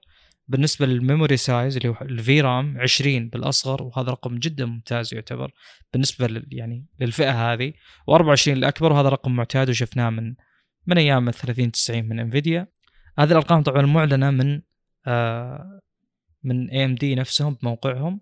آه كلهم يدعمون 2.1 DisplayPort 2.1 HDMI كلهم فيهم طبعا Type-C في شيء يعني ما ما يكتب على الورق أو ما يهتم له على الورق اللي هو آه، حجم الكروت هذه. هي أحجامها معتادة بس إنها مقارنة بالجديد من Nvidia يعتبر فرق هائل جدا. آه، بذكر مواصفات Nvidia عشان عشان بعدين نذكر ال benchmarks لأن كلهم موجودين بال benchmarks بالنسبة لل 40 80 Nvidia نزلت معالجين 40 80 و40 90 وحلو استقرار المسميات إلى الآن ولو ان أحيانا تجي Nvidia تنزل لك ال Ti مع العادي. خلينا نقول هذا الأساس. أحيانا يكون ال Ti هو تحديث العادي وهذا اللي شفناه بالجيل الماضي. ففي غرابة نوعا ما لكن حلو إن الآن 40 80 40 90 فقط. بالنسبة للنوا stream processors الموجودة 9728 لو تذكرون طبعا عادة Radeon يكون أقل لكن ال memory يكون مرة أعلى ب Radeon آه بالنسبة لل memory هنا 16 مقابل مثل ما ذكرنا. الفئة المقابلة لها AMD اللي هو ال Radeon 7900 XT كان 20 وهنا 16 آه، كلهم GDDR 6 X أنا اللي أعرف إن X معناها graphics مرتبط انه هذا معالج آه، يعني رسومي لكن يبدو إن ال X أعلى آه، بحسب ما أشوفه مؤخرا يعني. المواصفات مجملا يعني ذكرت اللي اللي يستحق الذكر. اللي ممكن نذكره إضافة إلى هذا مثلا السعر ال 7900 XT سعره 899 دولار ال XTX 999 دولار. هنا ال 40 80 يبدأ من اللي هو سعره 1199 فهو أغلى من الأعلى AMD ب 200 دولار والاخير اللي بذكر مواصفاته الآن اللي هو 40 90 سعره 1599 مواصفاته ال cores جدا مرتفعة 16384 آه، بالنسبة لل memory size حجم ال VRAM 24 مثل اللي موجود بال XTX. أنا أفضل ندخل بال benchmarks عشان ناخذ يعني أرقام قابلة للمقارنة. في أرقام جدا كثيرة متعلقة ب اللي هو tensor cores إلى آخره لكن ما أشوف إن لها دلالة كبيرة بالنسبة لنا. Nvidia مصنع من آه، من TSMC هذا شيء يعني أجدر بالذكر إحنا تو نتكلم على TSMC عموما. آه، طيب بالنسبة لل benchmarks آه، للأمانة هي على قولتهم classic case شيء معتاد شيء من زمان إحنا نشوفه. تكرر الآن للأسف يعني بحرق عليكم. وشيء أخير يجدر بالذكر قبل نروح للي بعده بالنسبة لل TDP أنا ذكرت لكم إن 350 يوصل بالنسخة اللي هي ال XTX وكان و 330 النسخه الأقل. آه في آه Nvidia الأرقام شوي تختلف. آه TDP لل 40 80 320 ولل 40 90 450 450 واط أنا أول مرة أشوف للأمانة هذه الأرقام على GPU أول مرة نشوفها كلنا يعني. أعتقد موجودة بال Titan بس 450 على معالج آه، رسومي للألعاب رقم جدا كبير في power supplies 450 واط. فأنا ما أشوفها مشكلة كبيرة جدا جدا بس إنه غريب يعني العادة الأمور تتجه إلى استهلاك طاقة أقل مجمل. في في مشكلة في مشكلة طيب جديدة طلعت مع استهلاك الطاقة العالية. سم. الاسلاك الموجودة لنقل الطاقة من ال من من نفس ال power supply إلى ال GPU لها معايير معينة. والمعايير المعينة ذي اللي ما زالت الشركات تمشي عليها غير ال Founders Founders Edition يعني. آه، ال Founders Edition واضح انه معدل واضح إن الاسلاك ماخذه بالاعتبار إنه قاعد نوصل للأرقام هذه. لكن آه ما أدري ظهر إن ال pins صارت مرة كثيرة لدرجة إنك تحتاج سلك إضافي غير السلك اللي موجود بال CPU. فغالب الناس قاعد تشوف لها أي سلك موجود بالسوق وتحطها فصار في مشكلة احتراق الاسلاك هذه. بينما أن أغلب الناس قاعد تقول أن المفروض أن الشركات هذه تحط سلك أكثر جودة بكثير. ما عشان الناس ما تروح تدور وتحط سلك إضافي لل GPU. هو ما أدري على 12 pin 12 pin يعني. وأغلب ال CPUs تجيك سلك واحد 12 pin 12 إيه إيه. فزي اللي في مشاكل احتراق أسلاك جديدة آه علشان في استهلاك طاقة عالي ما حسبت حساب الشركات اللي قاعد تاخذ. الكرت هذا وزي اللي إلى الحين الناس ما تدري من المسؤول عن المشكلة والناس اللي احترقت عليهم أسلاكهم أو خربت عليهم خرب عليهم ال GPU ما هم قادرين وين يروحون يحلون المشكلة فيه يعني. فزي دي ترى مشكله مرة مرة مرة كبيرة. رفع الاستهلاك على قياسات ثانية كبيرة. المفروض إن كل الشركات تحسب حسابها وكل الشركات اللي تاخذ من إنفيديا نفسها كروت تحسب حساب انه ترى قاعد نوصل إلى 450 واط هذا المفروض إن الأسلاك القديمة آه، يا تضيفون سلك لل GPU نفسه يا إن تقول لي إن أختار GPU معين أو يعني ما أدري الحل المفروض إنه يصير من وين؟ هل الشركات اللي تصنع power supply مرة عالي تحط تحسب حساب انه هذا قاعد ياخذ 24 pin ولا الكرت نفسه قاعد ياخذ 24 pin بينما ال power supply ما فيه آه، كمية ما في سلكين 12 pin عشان يعطيك يعطيك الطاقة اللي أنت تحتاجها أو يعطيك جودة الاسلاك اللي أنت تعرفها يعني. فالمقصد إنه يعني غالب الناس اللي يجمعون PC واللي عنده 40 90 أكيد عنده سلك 12 pin كذا مجدوع فراح أخذه واكتشف إنه أوه السلك ذا حده على بداياته بتجميع ال PC أيام كان عنده 600 واط ال power supply وكان السلك ذاك حده واطات معينة فالحين احترق عليه وخرب عليه ال GPU المهم إنه صار في تحذير الناس و لكن الناس اللي صارت لهم مشكلة للحين ما انحلت عليهم. لهم المشكلة من أي شركة من الطرفين. كل شركة تقول تلوم الشركة الثانية يعني. حلو. امم للأمانة ما تابعت هذا الشيء بس يعني أكيد مع استهلاك الأعلى TDP الأعلى بتكون في مشاكل زي كذا. وأنا واجهت هذه المشكلة أول ما أخذت 20 eighty Ti أظن ما كان مضمن إلا سلك واحد. اضطريت أجيب سلك ثاني من عندي. شيء من هذا القبيل. شيء غريب يعني جدا واجهته. آه، أو في power supplies ما في إلا منفذ واحد لل GPU. كيف تحل هذا الموضوع يعني؟ ففعلا يعني استهلاك الطاقة يجيب مشاكل نوعا ما السوق يحتاج يتعود عليها. طيب بخصوص ال benchmarks أول لعبة تم عليها benchmark Cyberpunk مثل ما قلت لكم هي حالة معتادة نوعا ما. آه، بعطيكم رقم الفريمات الأعلى آه، عشان يعني عشان نقيس عليه لأن فيه رقم المعدل وأعلى فريم وصل له يعني بحسب ال benchmarks اللي يشوفها. فالرقم اللي بيعتمد الأعلى آه، بالنسبة لل 7900 XT اللي هو الأقل من AMD 152 النسخة الأعلى منه 165 آه، بينما ال 40 80 جاب 191 وال ال 40 90 جاب 201 ففي فروقات. آه، يعني لا زال اللي من انفيديا مو بكل الألعاب طبعا بس لا زال أعلى. يعني أنا توقعت افترض أن الأصل أن ال 7900 XTX يكون على الأقل أعلى من 40 80 أه بكمل ال benchmarks أه لعبة Guardians of the Galaxy 7900 جاب 186 وال 7900 XTX 179 أقل نوعا ما ال 40 80 204 وال 40 90 201 بالنسبة لل 3DMark ال benchmark نفسه ال 7900 جاب 13500 ال XTX 15500 تقريبا ال 40 80 17800 وال 40 90 25600 ففرق نوعا ما كبير.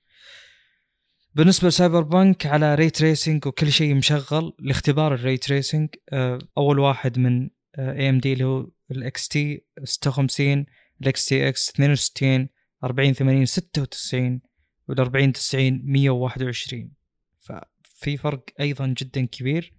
Shadow of Tomb Raider قضية مشابهة يعني نوعا ما كترتيب وليس كأرقام. 244 بالنسبة لل XT 243 بال XTX 249 بال 40 80 و248 بال 40 90 متقارب الأرقام نوعا ما. آه، تقريبا هذه الحالة المتكررة في كل ال benchmarks آه، فيه أحد ال benchmarks اللي شفتها للأمانة لكني ما سجلت يعني ما سويت screenshot عليها. شفت إنه ال XTX كان أفضل من ال 40 80 وهي الحالة الوحيدة اللي شفت الموضوع بالطريقة هذه. بس يعني على قولة المثل الأمريكي أو الأجنبي عموما you get what you paid for. يعني أنت الآن تدفع 999 على ال XTX هو سعره أرخص من 40 80 وأداء نوعا ما أرخص أو أقل يعني. أشوفه يتنافس معه بشكل كبير لكن ما أدري هل أقول للأسف لا زالت أسعارهم أرخص؟ وبشكل واضح جدا أول كان كان سعر ال 6950 XT ما خاب ظني كان 1000 دولار وال 30 80 كان 800 دولار. وكانت المنافسة بينهم شديدة بس يتفوق بشكل كبير. بأغلب المجالات كان اللي تحتاج hardware بشكل أكبر يعني كان يتفوق الراديون على معالج انفيديا فهنا للأمانة نوعا ما سحق من انفيديا والأرقام تقترح هذا الشيء. أه، لكن هذه مو نهاية المطاف طبعا. أكيد إنه يعني بعد فترة ممكن يجيك ال 7950 مثلا من من اي ام دي ويعني الأرقام أقوى يعني في تطور يقدر أنا اشوفه تقريبا 15 إلى 20% من الأجيال السابقة وهذا جيد يعني. هذا المعتاد نوعا ما. بس مثلا ال 40 90 تقريبا يتفوق بكل شيء على الإطلاق. وإذا ما إذا كان يعني إذا كان فرقه قليل في أحد ال benchmarks فباقي ال benchmarks يسحق بشكل كبير يعني وقد يصل الفرق إلى تقريبا 40 إلى 50% ف ما أدري وش أقول صراحة. آه، ارتفع سعر ال 40 80 كان 800 دولار المفترض الآن 1200 ارتفع بشكل كبير. لكني ما أشوف إن 40 90 فرق بشكل كبير. فاللي بشاري ال 30 90 ما عنده أي مشكلة الآن يشتري ال 40 90 لأنه زاد 100 دولار يعني فقط. آه في تصريح أنا للأمانة ما أحب السي أو حق إنفيديا ابدا يعني. آه تصريحاته يعني مليئة بنوعا ما عنجهيه والكبر. آه الشخص هذا يعني شفت كلام أنا ما شفت كلامه آه، منقول بشكل مباشر لكني أشوف الناس تتكلم ان هذا الشخص يبدو إنه يبي جزء من الكيكة اللي, اللي السوق السوداء مستغلتها. فهو يعني كأنه يقول ليش الأرباح كلها تروح لل للي يبيعون يشترون يتاجرون بالكروت إحنا نستحق يعني جزء منها فقد يكون هذا أحد مسببات رفع السعر وبالإضافة إلى السبب الأكبر والأبرز والسبب اللي أشوفه مدعى بشكل كبير وبديت يعني بدت تستفزني سالفة النقص اللي هو الشيب شورتج وإلى آخره. هذا الشيء لا يمكن يكون حجة الآن. هذا الشيء يعني هو يعني ما ودي أقول مؤامرة بس إنه يعني مستحيل خلاص لنا كم؟ ثلاث سنين وحنا في نفس الدوامة هذه يعني متى يخلص ال chip shortage؟ على كذا ما راح يخلص. اللي قلل ال chip shortage هذا بيستمر يقلله لمصلحة هو مستفيد منها طبعا بشكل أساسي. يعني هو يقدر يتحكم بالسوق بهذه الطريقة. آه لا يمكن لا يمكن الموضوع يكون يعني يستمر إلى هذا الوضع. آه وهو منظور أشوفه يتكرر بأسواق كثيرة. إذا السعر ارتفع ما عاد بيرجع ينزل. بمعنى إذا ال MSRP السعر المقترح من المصنع ارتفع صعب يجيك السنة اللي بعدها يقول والله أوه تفضل هذا كرت جديد وأفضل بكل شيء بس سعره أرخص. فللأسف يعني فقدنا نوعا ما السيطرة على أسعار الكروت. آه، لكن وجود المنافس آه، هو اللي ممكن يحله. حلو. آه، أول شيء إحنا رجعنا أول عندي خمس نقاط على انفيديا أول شيء رجعنا الكلام أول إن شركة ضايعة بالتسميات من ناحية إن الحين هل هو 70 40 70 Ti ولا 40 80 12 جيجا بايت لأن إلى الحين ضايعين بين التسميتين ما ندري وش صاير. آه، قالوا انه بيعلنون عن ذا الكرت 7 يناير. ما أدري أظنهم أعلنوا عنه لكن ما شفت عنه أي تقارير كبيرة. بس عموما إنه ما يز يعني آه، النقطة الثانية أسعار الجيل السابقة آه، الأسعار عن الجيل السابق ارتفعت. وما تز... وما يزال الجيل السابق قوي جدا. وما شفناه أصلا. يعني 30 90 30 70 30 80 كنا نحلم فيه. قبل سنتين كنت أتحلم بالكرت يعني مستحيل يتحصل وإذا حصلته بثلاث أضعاف سعره. الحين بدأ يتوفر وبدأوا حق منقبين عن العملات الرقمية. آه، انخفض سعر العملات الرقمية فبدأوا يبيعون.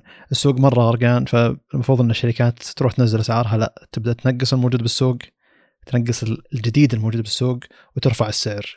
يعني عكس ردة الفعل الطبيعية. ويعني ما أدري إيش مشكلة الشركة. يعني هذا إلى إلى أكبر درجة لما تكون ضامن إنك بتبيع مستقبلا. يعني الحركات ذي لما أنت تكون ضامن ضامن إنك بتبيع بتبيع مستقبلا تسوي الحركات ذي. وهذا غياب المنافسة اللي يصير كذا يعني. لكن الحين يعني AMD قاعد تعطي كروت أفضل كروت أفضل. كل جيل عن جيل قاعد تعطي كروت أفضل. انفيديا دا آه انت داخلة بفكرة مرة مختلفة ب software وناويين ناويين يدخلون سالفة إنه في في software خاص للكروت انتل بيخلي دعمها أفضل على ويندوز. بيسوون شيء زي كذا. واذكر إني شفت مقابلة لأكثر من مسؤول مسؤول حقيقي مو مسؤول إداري. آه، ناس فنيين مهندسين بانتل تكلموا عن فكرة انه آه، لا إحنا أصلا ما راح نتوجه للفئة العليا إحنا نبي نتوجه للفئة الأقل. آه، نبي نسيطر على الفئة الأقل لأن هي الأكثر الأكثر مبيعا. ونبي نحط software خاص فينا بيعطينا أداء أفضل. فزي اللي أحب اللي داخل بأسلوب مختلف حتى لو إنه بالبداية ما قاعد ينجح صح. انت دايم عندها شيء أكبر من الفكرة اللي هي قاعد تقدمها الحين. دايم عندها تخطيط المستقبل أفضل آه، من اللي قاعد نشوفه الحين. فحتى لو صارت مشاكل مع الكرت الجديد وتشوف الناس يصايحون إنه أو قابلت المشكلة هذه المشكلة هذه. طبيعي أول كرت تنزل الشركة بالسوق آه، تقريبا انتفار تجارب لهم يعني. ف شيء جيد إن أصلا في ناس قاعد تشتري في ناس يحبون إنتل الدرجة هذه يعني. ف حلو توجه إنتل إن أنا باكل أنا بدخل للجزء الأكبر من الكيك اللي هو مبيعات الكروت المتوسطة. لازم يصير تفكير الناس انه 30 90 ما زال ممتاز. تاخذ 30 90 أحسن من ما تروح تدور 40 40 70 تي آي ولا 40 يعني من الأشياء اللي يمكن تنزل حتى الربع ذا الجديد. 30 90 ما يزال قوي جدا. وحنا ترى ما شفناه. يعني الكرت الكرت ذاك ما شفناه بالسوق. ما, ما جربناه ما يعني صحيح ان كل شيء تشوفه تجارب وكذا لكن أنا واقعيا ما حد هوري يعني عنده 30 90 يعني 30 20 80 تي آي شفت أكثر من واحد عنده وشفت واحد من الشباب عنده. اثنين 20 80 حطهم مع بعض. يعني ذاك الوقت اللي توفرت وعرفنا الكرت زين وخلاص بدأ ينتشر. 30 90 زي اللي الحين لو يجينا واحد يقول لي والله توني شايف 30 90 ما راح أقول له ليش اخذت ما اخذت من الجيل الجديد. بقول له أوه كم حصلته؟ واضح إنه صيده ممتازة للسعر.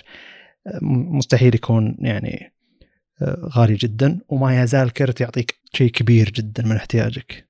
كبير جدا جدا من احتياجك. يعني آه، الارتفاع أداء كروت الشاشة جدا عالي لدرجة إنه حتى الجيل السابق اللي أصلا ما شفناه زين آه، ولا توفر بالسوق بشكل ممتاز. الحين لو تاخذه بيعتبر شيء جيد جدا.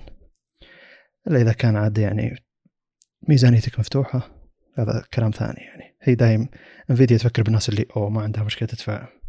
وتعتبر كل اللي بيأخذون الجيل ال 4000 هذول ما أدري طبقة مادية مختلفة جدا حاليا. يعني بدل ما تقول أنا عندي سيارة فاخرة تقدر تقول عندي انفيديا 40 90 وبعتبر إنك بعتبر انك إنسان غني جدا يعني.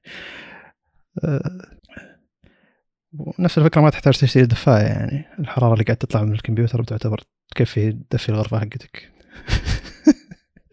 400 ولا 450 واط. الكروت الجديدة يعني حجم ال heat sink شيء شيء مو طبيعي. يعني حجم ال XTX أصغر من 40 80 وبفرق يعني. فما أدري صراحة وش الاتجاه بالضبط. يعني بتصير في محدودية كبيرة على القطع الأخرى الموجودة. جميل. أنا ما أدري وش التخطيط وش التوجه ما أدري هل هذه أكثر طريقة فيها كفاءة إنك تصمم كرت وهيت سينك. صراحة هم هم أخبر لكن هذا شيء غير معتاد يعني. أعتقد إنه المفروض يبرر. لكن ابدا متجهين هذا الاتجاه لنا فترة. أكبر استهلاك طاقة وأكبر هيت سينك. وغريب يعني. 30 90 كنا نقول عنه كبير. لو تحط 30 90 الحين قدام 40 90 تقول ما في مقارنه إيه يا زين الحجم 30 90 ف... لا لا ما في مقارنة. شيء شيء. وهو مشكله إنه نفس التصميم.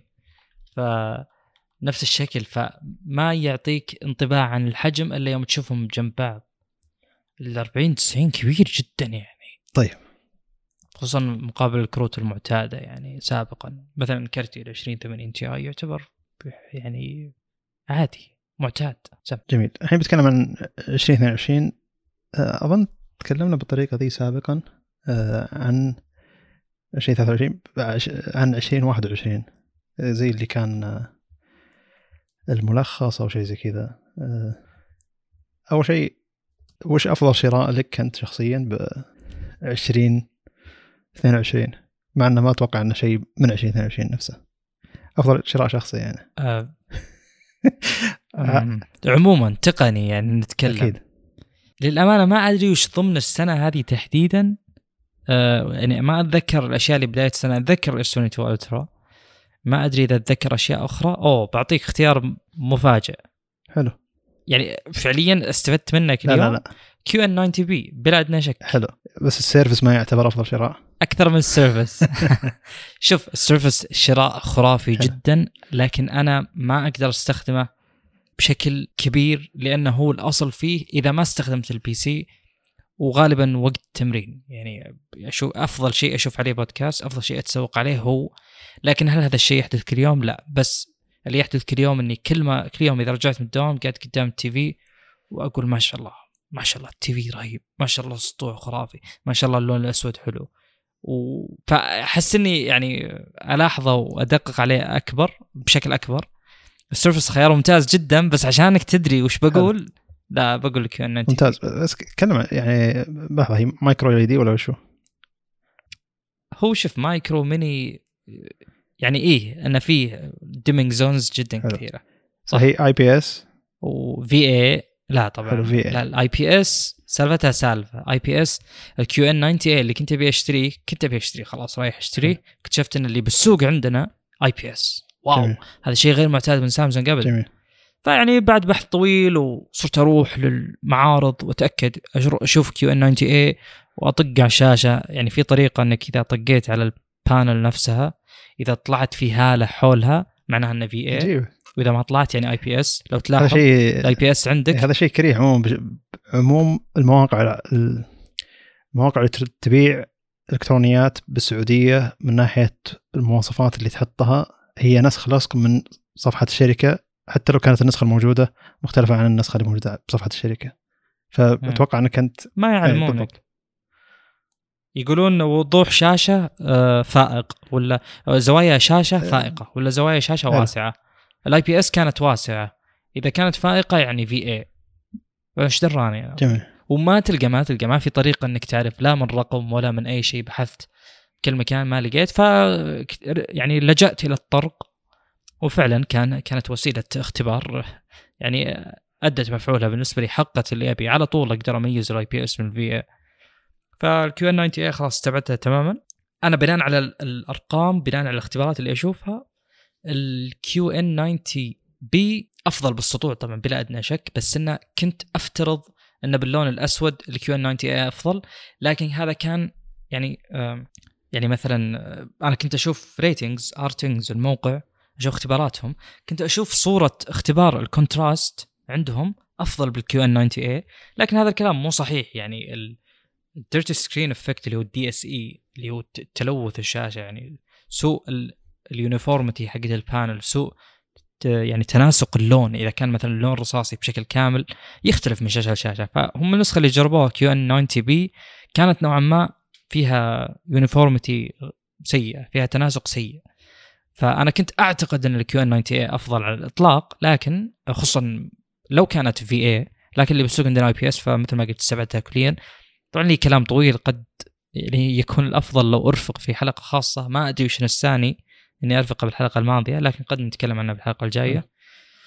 المهم فقلت خلاص ال QN 90 B هي ال second best. وكانت ميزانيتي للأمانة جدا عالية ما كان عندي مشكلة أدفع. كنت أشوف ال QN 900 اللي هو QN 900 A اللي 8K فيها يعني engine يسوي upscale من 4K ل 8K وإلى آخره. في أشياء جدا ممتازة السماعات جدا ممتازة لكن يعني مو إذا ارتفعت ميزانيتك بتحصل على أفضل TV فكان ال TV اللي أخذته بنص سعر ال QN 90 900 A لكنها أفضل بجميع المقاييس. باغلب المقاييس خلينا نقول آه، من ضمنها ال uniformity من ضمنها المحتوى المعتاد اللي تشوفه مثلا يوتيوب ولا تشوفه ايا كان يعني في أي مكان. محتوى تلفزيوني يعني ما راح ت... يعني لو كانت في ميزات ال QN 900 A فغالبا ما راح تستفيد منها خصوصا يوم ننظر إلى أن أغلب الناس يكون عندهم اللي مهتمين بال TVs عموما يكون عندهم sound bar أو مسرح منزلي عموما آه، يغطي جانب الصوت اللي للأمانة ما هو جيد بال QN TV ابدا ما هو جيد أفضل من ال QS Q 60 R اللي كنت تستخدمها بكثير لكن ما أشوف إنه صوت جيد بالذات بال vocals يعتبر لا يعني يا دوب تسمع. آه فهو أفضل شراء من نواحي جدا كثيرة. صراحة ال contrast وال brightness يعني الأرقام الموجودة والرؤية اللي موجودة يعني أنا أول كنت أعاني من إذا دخل نور الشمس أنا نور الشمس عندي يدخل طول الوقت يعني أقدر أقول. ففيه انعكاسات وفي يعني مشاكل بالسطوع والى آخره. يعني ما شاء الله مع ال QN 90 B هذا الشيء نسيته كليا كليا. أنا مستحيل أقول أوه خليني أرفع السطوع. عشان أقدر أشوف زين. آه بالإضافة إلى أمور أخرى جدا كثيرة يعني بس ال TV يعني ك كجودة panel كجودة محتوى تراه ممتاز جدا ما أعتقد في أفضل L G آه شو اسمها LG C هي C 2 وفي G 2 الظاهر. G 2 اللي أفضل بالسطوع ناسي والله وش اسمها. المهم النسخة الأخيرة من LG OLED يعني لو تسألني قبل شهر فصلت لك كل شيء بس الحين ناسي للأمانة. أفضل بالنسبة لي يعني لأمور كثيرة. من ضمنها يعني مشكلة السطوع صراحة بال OLEDs متعبة جدا. والأمر الآخر أنا بخلي ال TV يشتغل على أي محتوى موجود. ما أبي أشيل هم اني أخرب ال uniformity وأزيد ال burn وإلى آخره يعني. فهذا كان سبب اختياري. أدري إنه مو مكانه لكن يعني في تبريرات جدا كثيرة لأني أختاره أفضل منتج شريته. غالي جدا يعني مع العرض كان ب 10000 مع كل العروض. أنا مع cash backs ودنيا وسويت كل شيء يعني. آه لأن لأن لأني دائما أقول لنفسي إذا إذا أحد البنوك مثلا سووا cash back لو 1% ما راح يفرق معي يوم أشتري ب 10 ولا 100 ولا 1000 ريال. 1000 ريال فيها كم؟ 10 ريال. okay يعني بس ما تفرق. فكنت أنتظر إني أشتري شيء غالي عشان أستخدم ال 1% هذا و... وفادني بكم تقريبا 100 ريال. يعني نقص بالإضافة إلى خصم آخر. من من امازون أنا اخذته من امازون خصم آخر نسيت وش بس أنا نقصت السعر إلى تقريبا ما أظن ما أظن. آه, آه كان في عرض من امازون نفسهم على أي شيء آه خصم تقريبا على أي شيء إلكتروني خصم 200 ريال تقريبا maximum 200 ريال. فأنا اخذته تقريبا 9200 وشيء. جميل. يعني يستحق طبعا بشكل لا يمكن ما أقدر أوصفه. آه ليش فضلته على ال Surface مثل ما قلت لك إني أستخدمه أكثر إنه قاعد يفرق معي كل يوم. وتعرف اللي يوم تروح مثلا سوبر ماركت ولا تروح أي مكان تعرض فيه شاشات تلفزيون يعني بعض الشاشات تبهر من دقتها ويعرضون محتوى طبيعة وكذا. هذا الشعور أواجهه كل يوم مع QN90B ما شاء الله ال picture quality شيء شيء صعب صعب أوصفه صراحة. شيء ما تحس فيه إلا إذا شفته. طبعا أنا أخذت ال 75 فهذا أضاف إلى ال immersion. يعني الانسجام مع الشاشة. الحجم الأكبر للأمانة مهم جدا. ندمت أول ما وصل ال TV لأن كان تركيبه جدا صعب جدا صعب وجدا ثقيل وكرتون جدا كبير. لكن أول ما ركبته الحين أقول ودي ب 85 وكالعادة يعني أنا أنا إنسان ما امانع الحجم الأكبر ابدا. وأشوف إن اللي يقول أوه لا ما أبي كبير يعني حجة المفروض ما تكون موجودة جميل. أصلا يعني. وما هو جوال ولا هو شيء تشيله يعني.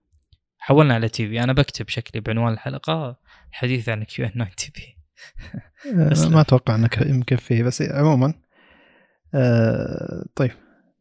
الجوال حق السنة طيب.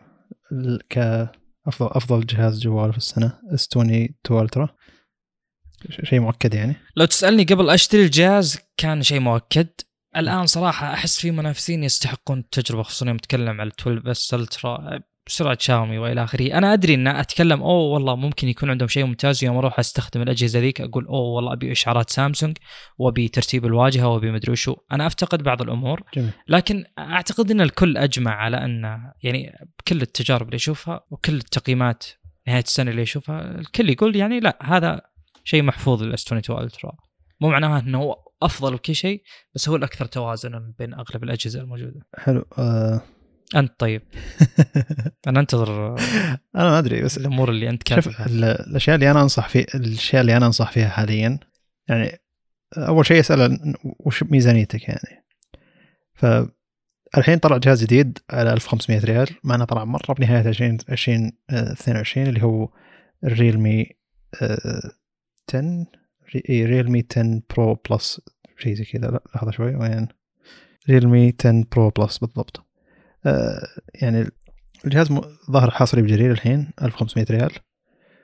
آه، من برا تقدر تجيبه بسعر أقل يعني. لكن هذا الجهاز على طول أنا أنصح فيه أغلب ال- الأشخاص اللي هذه ميزانيتهم.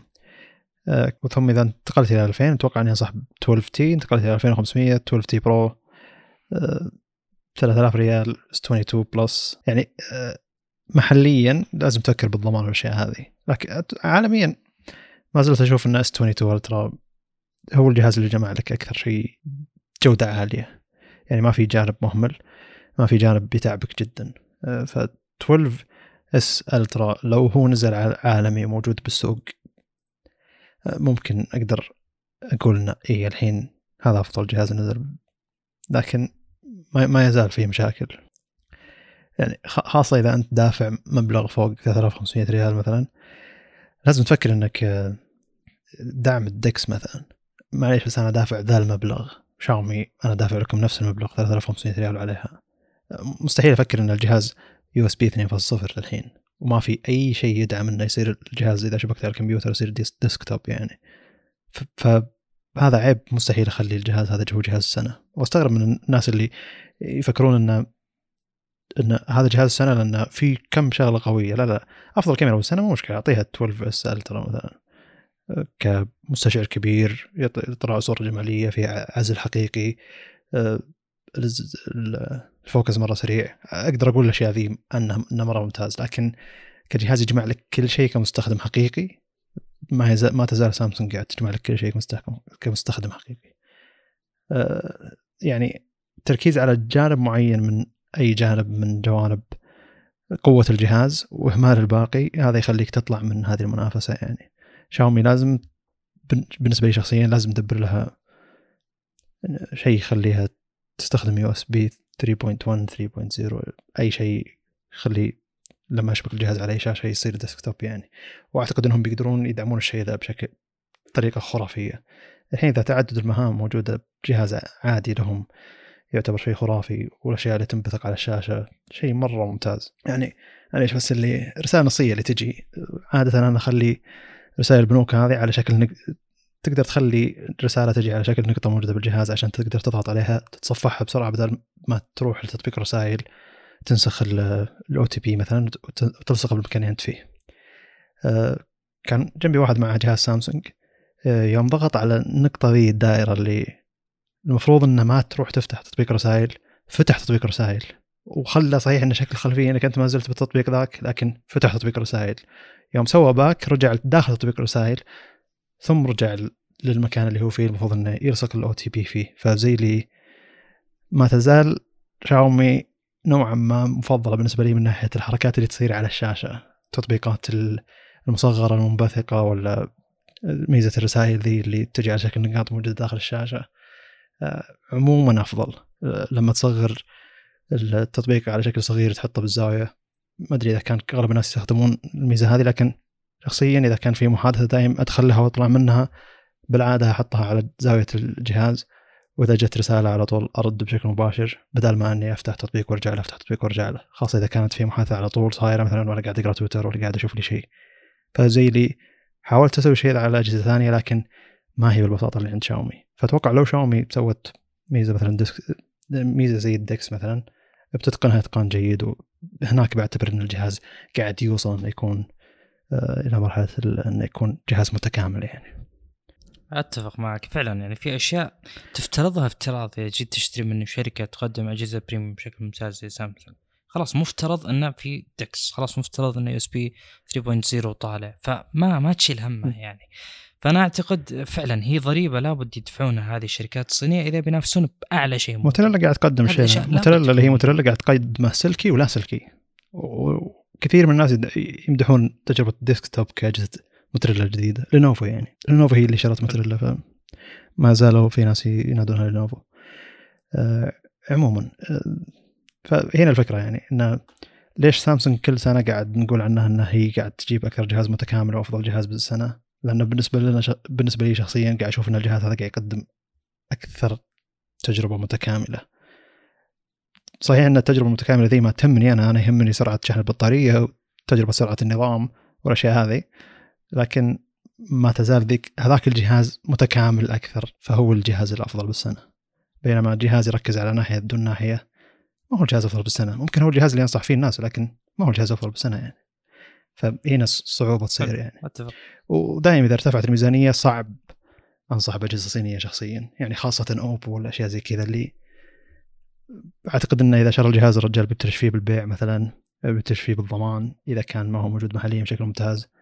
أه لو ما عجبه بأي طريقة بيبلش فيه فعلا يعني. لكن الأشياء الباقية يعني تخيل 12T أنصح فيه لدرجة إنه شوف إذا ما عجبك أنا بشتري منك. يعني قبل شهرين بالضبط أو شهر ونص تقريبا أول ما نزل 12T Pro نصحت فيه واحد قلت له إذا ما عجبك أنا أشتري منك. كذا بالثقة ذي. ويوم أخذه يعني قاعد يقول لي يعني أنا من زمان ويني من زمان.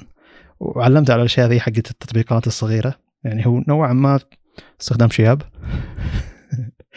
فلما علمت الأشياء الصغيرة ذي إنك لما تسحب من هنا تقدر تصغر التطبيق للدرجه هذه المحادثة تصير موجودة هنا على طول تقدر تاخذ التطبيق. النافذة هذه وتدبها فوق وتسكر النافذة. يعني زي دي علمت على أشياء صغيرة قاعد يقول لي الحين بعد شهر وشوي قاعد يقول لي تدري إن ذا الشيء ذي الأشياء قاعد أستخدمها يوميا لأنها فعالة وقاعد تشتغل صح وكذا. فقلت له ما عليك يعني إذا ما عجبك الجهاز أنا أشتري منك. طبعا هذا شيء خصوصي الربع يعني احد يجي يقول أوه تراك نصحتني بالجهاز الفلاني. و... ما عجبني تشتري مني الحين يعني هو شرط الشخص ذاك. لاني عارف أنا أسلوب استخدامه وعارف وش استخدم قبل وكم ميزانيته يعني. حتى استغرب يعني هو جايني ميزانية فوق 3000 ريال؟ قلت له لا. 2600 كافي. ف 12 إي ما تزال الفئات السعرية 1500 ريلمي 10 10 إي 10 Pro Plus 10 Pro Plus ما أدري ليش الاسم هذا. بس هذا الجهاز يعني المعالج حقه 1080 اللي هو Dimensity 1080 اللي هو النسخه محسنة من 920 اللي هو تقريبا أفضل معالج من ناحية استهلاك الطاقة الاجهزه المتوسطه بسعر 1500 ريال وعليها.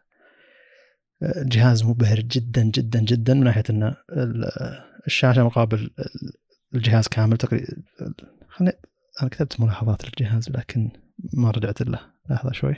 إيه الشاشة ماخذة 90% أو 90 90.5% من واجهة الجهاز شاشة 6.7 إنش 1080 120 هرتز أندرويد 13 والمعالج 1080 Dimensity. الكاميرا 180 ميجا بكسل 8 ميجا بكسل 2 ميجا بكسل الكاميرا 116 ميجا بكسل خليك من الأشياء هذه كلها.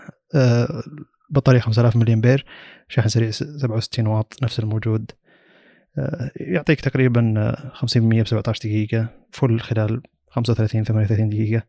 لكن المقصد هنا أن أظن هذا الجهاز هو أعلى رقم كجهاز نوعا ما flagship إذا كنت تعتبره جهاز flagship بس ما هو flagship يعني جايب 149 ساعة في أداء GSMArena وما في أي مستخدم ثاني ما في أي مراجع ثاني ما انبهر من بطارية الجهاز هذا نهائيا. فزي اللي أنا شخصيا مغريني الجهاز لكن شاشة من حيث الأطراف شوي مزعجة بالنسبة لي. ريلمي بتكون تجربة مقاربة لل OnePlus السابقة فما أدري إذا كانت الواجهه بتعجبني فما ودي بذيك المغامرة يعني حاليا. لكن الجهاز رحت شفته بالسوق مستحيل أحد يقول لك إن الجهاز هذا ب 1500 ريال. كنت أقول الشيء هذا عن Honor 70 لكن Honor 70 كان في مشاكل إن الهزاز ممتاز بالنسبة لي. الواجهة كانت مرة جدا عقيمة لكن هنا ريلمي زي لي الواجهة حقتها أفضل بكثير مع بعد البحث يعني. ف اللي على حسب الفئات السعرية قاعد أنصح الناس. طيب. في أي تجربة لسماعات السنة هذه؟ غير ال Buds Pro لا. أنتوا أنتوا واحد الأصدقاء تستخدمون ال IEMs طحتوا فيها. أنا أعتقد إني بطلبها ذي اليومين. قد يعني أزود وجهة النظر مستقبلا إحنا تكلمنا طبعا بحلقه خاصة وأنت جميل إيه. أعتقد راي المشكلة انه يعني إذنك تبدأ تصير حساسة بعدين بعد ما تستخدم أكثر من سماعة جدا محترمة.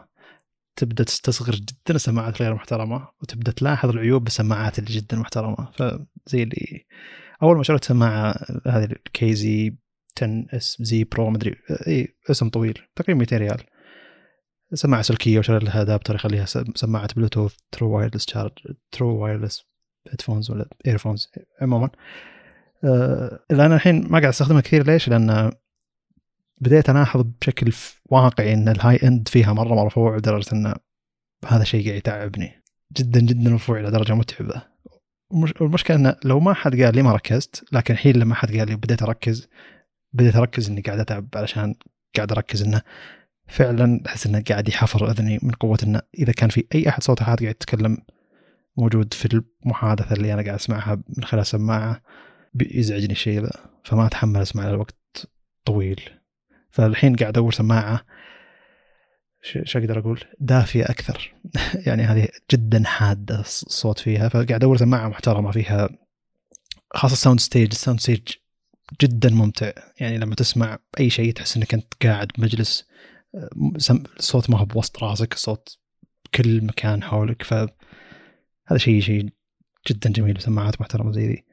ترى الاسعار ولا شيء والمنافسة جدا قوية. والحين يعني في 7 هيرتز شركة اسمها 7 هيرتز دخلت المنافسة بشكل قوي وسماعه أقل من 100 ريال قاعد تنافس. و Moondrop أيضا نزلة سماعة اسمها Moondrop Chu Chu أيضا قاعد تنافس وبنفس السعر حول 100 ريال وعليها. فزي اللي الفئة جدا الرخيصه هذه السماعات السلكية فقط. أه قاعد تنافس بشكل مخيف إلى درجة إن السماعة اللي أنا شاريها قبل ثمان شهور أو أكثر ضعف أو أكثر من ضعف السعر ما قاعد تعتبر منافسة أصلا. يعني الأداء حقها أضعف من الجديد الأرخص. فزي اللي في حماس إني أجرب الشيء ذا بس ما أبي هو شيء إدماني. لما تجرب تبدأ تشتري شيء ثاني تبدأ تشتري شيء ثاني وتقول أوه هذه أكثر كذا احترافية من هذه من الناحية الفلانية. فتكتشف إن أغلب الناس يطيحون بال IEMs آه، تلقى عنده عشر سماعات سلكية. وهذه طبيعة الناس يعني. شيء رخيص وتجارب ممتعة ف إذا طحت فيها زي كذا طحت في جحر ما يخلص يعني. لكن أكثر سماعه قاعد أستخدمها السنة ذي شيء جدا مستغرب اللي هو ال 1More ComfoBuds Pro شريتها مرتين. شيء مرة مستغرب. المرة الأولى شريتها اللي أوه حسيت ان حجمها كبير ما تناسب كذا. لكن الصوت فيها جدا flat flat flat إلى درجة عجيبة. ما في high end قوي ما في bass قوي ف جدا ممتع استخدامها أه، ك vocals واللي يعني. ف مريحة جدا اسمها ComfoBuds أصلا Pro. سعرها جدا رخيص أقل 250 ريال أو أقل. ما تناسب الناس اللي أذانهم نوعا ما صغيرة لأن هي بالطبيعة حجمها كبير. حجمها كبير نوعا ما قبيحة لكن بديت ما أهتم للشيء هذا. يوم شريت ال Surface بديت أحترمها لأن بديت ألاحظ إن ال Surface أيضا الصوت فيه flat فقاعد يعطيني صوت جدا محترم ما قاعد احتاج أرفع الصوت علشان أسمع الأصوات ال vocals العادية. فنفس الفكرة بالسماعات هذه ألاحظ إني ما قاعد أصعد فوق 60% ليش قاعد أسمع بشكل واضح جدا. العزل فيها محترم الوضع الوضوح هذا فيها transparency mode اي اللي يدخل لك صوت من برا. ما كأنك لابس سماعة كأنك لابس سماعة بدون سيليكون فزي اللي خلتني أستغني عن ال OnePlus Buds هذيك كنت أستخدمها علشان أسمع اللي حولي عشان عشانها مريحة جدا. لكن كان مشكلتها إنها ما فيها عزل. آه، ثباتها بالأذن. ممتاز جدا بشكل ممتاز يعني. لكن مشكلتها انه زي مشكلة ال AirPods العادية إن الشمع اللي بالأذن يبدأ يسكر السماعات نفسها. لكن هذه سم... هذه المشكلة ما تحصلها بالسماعات اللي فيها سيليكون tip يعني. ف آه، توصيتي لسعر رخيص سماعات لاسلكيه إذا كانت اذنك ما هي صغيرة صغيرة. OnePlus لا 1MORE ComfoBuds Pro تحت ال 250 ريال. شراء جدا ممتاز. الشخص اللي نصحته يشتري 12 T Xiaomi نصحته يشتري السماعة ذي. وجبت له Galaxy Buds 2 كتجربة. أنا موجوده عندنا بالبيت. قلت آه، شوف جرب ذي. Galaxy Buds Pro كنت شاريها كتجربة أيضا يعني. قلت يمكن لا مو مو ال Pro 2 العاديه لكن الفرق كبير جدا. لصالح 1MORE وحتى هو وافقني الفكرة بشكل مو طبيعي. يقول لا 1MORE أفضل بكثير مع إن هذيك ب 400 ريال هذه بأقل من 250 ريال. فكانت جدا ممتازة الحقيقة وفاجأتني. ومع إنها نازلة ب 2021 مو 2022 لكن تعتبر من أفضل الشراءات وشريتها مرتين يعني. شريتها المرة الأولى وكانت متعبتني من ناحية الحجم وليس الوزن. وزنها يعتبر جيد بس إنها ما تصلح التمارين بشكل كبير. ال stem فيها مرة كبير. المايك حقها جدا محترم. طيب آه هذه أكثر سماعه قاعد أستخدمها شخصيا فممكن تقدر تصنفها أفضل سماعه ترى يمكن أرشحها ناس كثير يعني أقول أي بس من تشوف اذنها جدا صغيره تقول قل لا لأني شريتها طيب شلون لأني شريتها لاخوي أخوي الصغير. آه، ما ناسبته نهائيا حتى مع مع أصغر تب يعني. لا الفكرة إنك تشتري مكان يقدر يرجع. يعني أنا كل تجاربي للسماعات صاير أشتري من اماكن آه، ترجع فيها مرة سهل. فأغلب المواقع اللي أشتري منها ترجع فيها سهل. فلما أكتب إن التجربة ما ناسبتني ما يتشرطون تشرط كبير لما رجعوهم يرجعوا الفلوس. وعاد هم يدبرون الطريقة ذي يسوونها ريفريشت ولا يبيعونها مستخدمة ما أدري عاد المواقع ذي. بس عموما عندهم سياسة ترجيع جيدة صرت أشتري منهم على طول. فهذا هذا الترك أخذته لناس كثير يعني. دائما أقول له أطلب ترى عندك أسبوعين تجربة إذا ما ناسبتك تقدر ترجع. وخاصة سماعات سماعات جدا معقدة من ناحية الأحجام من ناحية يعني سماعات تناسب ناس بشكل مرة ممتاز شكل أذنهم وحجمها سماعات نفس ذي سماعات ما تناسب شخص ثاني. حتى لو كان نفس الذوق مثلا بنوعية الصوت أو كذا. بس السماعات ذي مبهرة مبهرة جدا جدا. يعني عزل الصوت ووضع ال transparency mode هذا مو طبيعي. يعني أنسى إني لابس سماعة زي ما كنت أنسى إني لابس سماعة أيام كان كنت أستخدم ال OnePlus Buds بشكل كبير. يعني الصوت قاعد يدخل الاذني بشكل طبيعي. طبعا هذا الشيء أكثر شيء يمدحونه في سماعات Apple Buds Pro Apple AirPods Pro اي حتى النسخة الثانية. يمدحون إنه إذا شغلت transparency mode كأنك ما لابس شيء الصوت قاعد يدخل بشكل طبيعي حتى صوتك تسمعه بشكل طبيعي. لكن في سماعات كثيرة لما تشغلها تحس إن صوتك قاعد يدخلك بشكل إلكتروني صوت الناس اللي برا قاعد يدخلك بشكل إلكتروني كأنه في مايك قاعد ياخذ الصوت. ما كان الصوت قاعد يدخل بشكل طبيعي. ف زي لي جدا مبهرة. لو تشوف تجارب تجارب المايك أيضا الميكروفون جدا مبهر. آه، عندهم تقنية تقنية خاصة بالذكاء الاصطناعي تعزل الضجيج اللي حولك. لما تجربها مقابل كل سماعات العالم مبهرة جدا مقابل السعر اللي قاعد تعطيك إياه. جدا جدا مبهرة. يعني حتى النسخة الأولى اللي كانت كانت معي اللي شراها مني قاعد يقول أنا كان عندي نسخة سابقة وخلصت البطارية حقتها من كثر المكالمات والحين بشتري ثانية لكن ما أني مستعد أدفع 250 أنا اعطيتها بسعر جدا رخيص يعني. آه، فقال لي عشان الميكروفون ترى. يقول لي يعني خليك من جودتها زينة ما أدري. يقول لا لا يقول الميكروفون ما قد شفت شيء زي كذا. يقول يعني أنا موجود بالجيم وأصوات حديد وما أدري وشو لا أن اللي يسمعني يسمعني. في AI متعلق ب إنه ياخذ الصوت من هذا. والتجارب اللي شفتها أغلبها كانت بزحمة شارع. وقاعد يستخدم سماعات كثيرة. هذه سماعة قاعد تطلع مع سماعات Apple يعني. هي سماعات Apple قاعد تنافس مقابل الباقيين. نوعا ما بعيدين يعني. ف كانت جدا مبهرة والدلالة إني شريتها مرتين. يعني بعتها وفقدتها بعد أسبوعين شريتها مرة ثانية. مرات ما, ما تقدر إي مرات ما تقدر الشيء إلا لما يختفي من عندك. تبدأ تقول أوه. فعليا كنت استخدمها كثير. آه، طيب. في شيء في شيء كبير جدا صار وما تكلمنا عنه نهائيا وكله خوف إن نتكلم عنه وما نعطيه قدرة الشيء هذا. اللي هو انه في الحين شيء طلع اسمه ChatGPT أه وشو ChatGPT أه في ناس قاعد يقولون إنه أوه محرك بحث الحين بينافس جوجل ما أدري والأشياء هذه. لأن طريقة عمل شيء ذاك يختلف جدا عن طريقة عمل جوجل بشكل مخيف وجودة الأشياء اللي قاعد تعطيه اللي قاعد يعطيها يعطيها الشيء ذا مختلف جدا. ChatGPT هو large language model ف زي اللي تعطيه سؤال تكتب له أي شيء هو بيكمل لك الشيء ذا بالطريقة اللي هو يعتقد إنها احتمالية هي أكبر شيء ممكن يكون صحيح. ف لو نصغر مفهوم ذا ما ناخذ large language model ناخذ ناخذ وش ال language model وهذه ماده أخذتها الفصل هذا. وماده توها تجي بالجامعة. وأول مرة أشوف دكتور متحمس للدرجة هذه إنه يشرح مادة زي كذا. المحاضرة جدا ممتعة كاني قاعد مع واحد من ربيع اسولف معه بدل ما اني قاعد مع دكتور اسمع آه، علم ممل نوعا ما. ف اللانجوج موديل هو إنك تسوي موديل يكتب لك أسلوب أو يتنبأ بشيء ممكن أن تحتاج تكتبه. والأشياء اللي نشوفها بشكل بسيط أكثر اللي هو تنبؤ ال keyboard بالأشياء اللي أنت تكتبها بشكل متوقع. فلما تكتب السلام يعطيك اقتراح عليكم ورحمة الله وبركاته. كلمة ورا كلمة. هذا language model ترى بس بشكل مرة مرة مرة مبسط. فال language model يشتغل على طرق مختلفة والمعادلات حقتها معادلات مختلفة. لكن الأصل أنك أنت تسوي ال method هذا أو الطريق تكتب ال method هذا وال language model نفسه ياخذ documents مرة مرة كبيرة يطبق عليها ال method حقك علشان يسوي language model ممكن يكون واقعي وممتاز.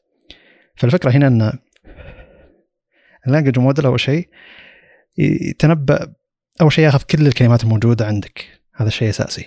في كل محركات البحث وال information retrieval الموجوده بالسوق كلها بتاخذ الكلمات الموجودة موجودة بكل ال documents الموجودة اللي أنت ممكن تطلع منها المعلومات أو البيانات اللي أنت تحتاجها. ففي شيء اسمه n-gram n-gram اللي هو n يعني رقم n-gram فهي الأساس n-gram unigram bigram trigram يعني موحد ثنائي أو ثلاثي.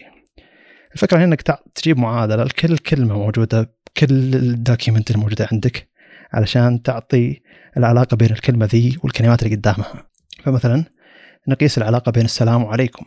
فهي الأكبر احتمالية. ففي في فرق يعني. السلام عليكم علاقتها مرة كبيرة مع بعض عن السلام على من اتبع الهدى مثلا. هذه احتمالية أقل. فهنا نأخذ إن العلاقات بين العلاقة بين الكلمة ذي والكلمة ذي أقل. فهي الأقل احتمالية أنها تكون محتاجها. فهنا الفكرة إن ال n-gram أو ال unigram الأساسي أول شيء هذه ترى ما تأخذ أي اعتبار الكلمة المقابلة أو الجاية. فال n-gram هو البحث الأساسي. هو إنك أنت كتبت الكلمة وبيجيب لك كل ال documents الموجود فيها الكلمة هذه اللي هو محرك بحث عادي.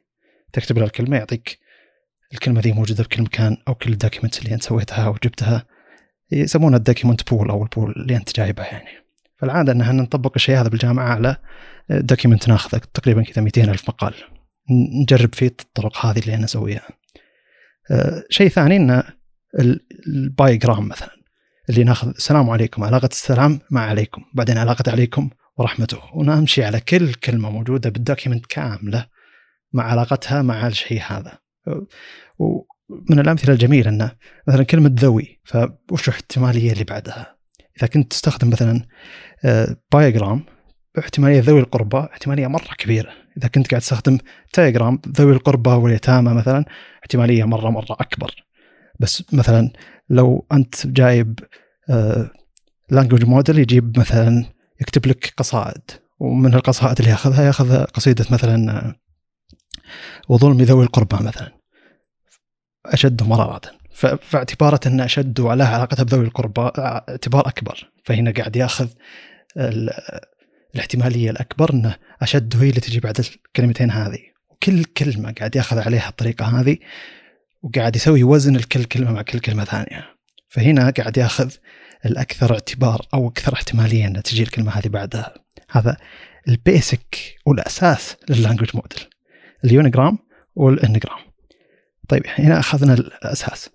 اللي بعدها إنه الحين قاعد نمشي على نفس ال document من البداية للنهاية.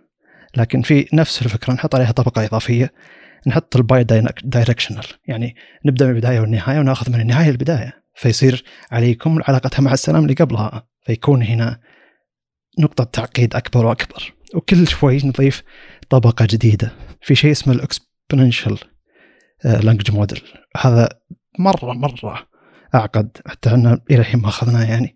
لكن هو مرة غامض. كل واحد يحط الأشياء اللي هو يبيها. ممكن تحط n-gram أنت تحتاجه تحط bidirection أنت تحتاجه تحط على document معينه شيء اشياء أنت تحتاجها وزي كذا. فزي اللي آه هذا يعني هذا الأساس اللي قاعد نشتغل عليه. بعدين ندخل إلى انها تكون موجودة ب space يعني منحنيات موجودة فيها. ف ال documents الأساسية تمشي على شكل linear خط linear لكن البحث أو الأشياء اللي إحنا نجيبها ما نبي نجيبها لل linear هذا فأنت تجيب نفس ال document الموجود لكن قاعد تحاول إنك تجيب شيء مرة مقابل لل linear لل linear space عشان تقدر تجيب الشيء اللي أقرب من إنه يكون احتمالية اللي أنت تحتاجه.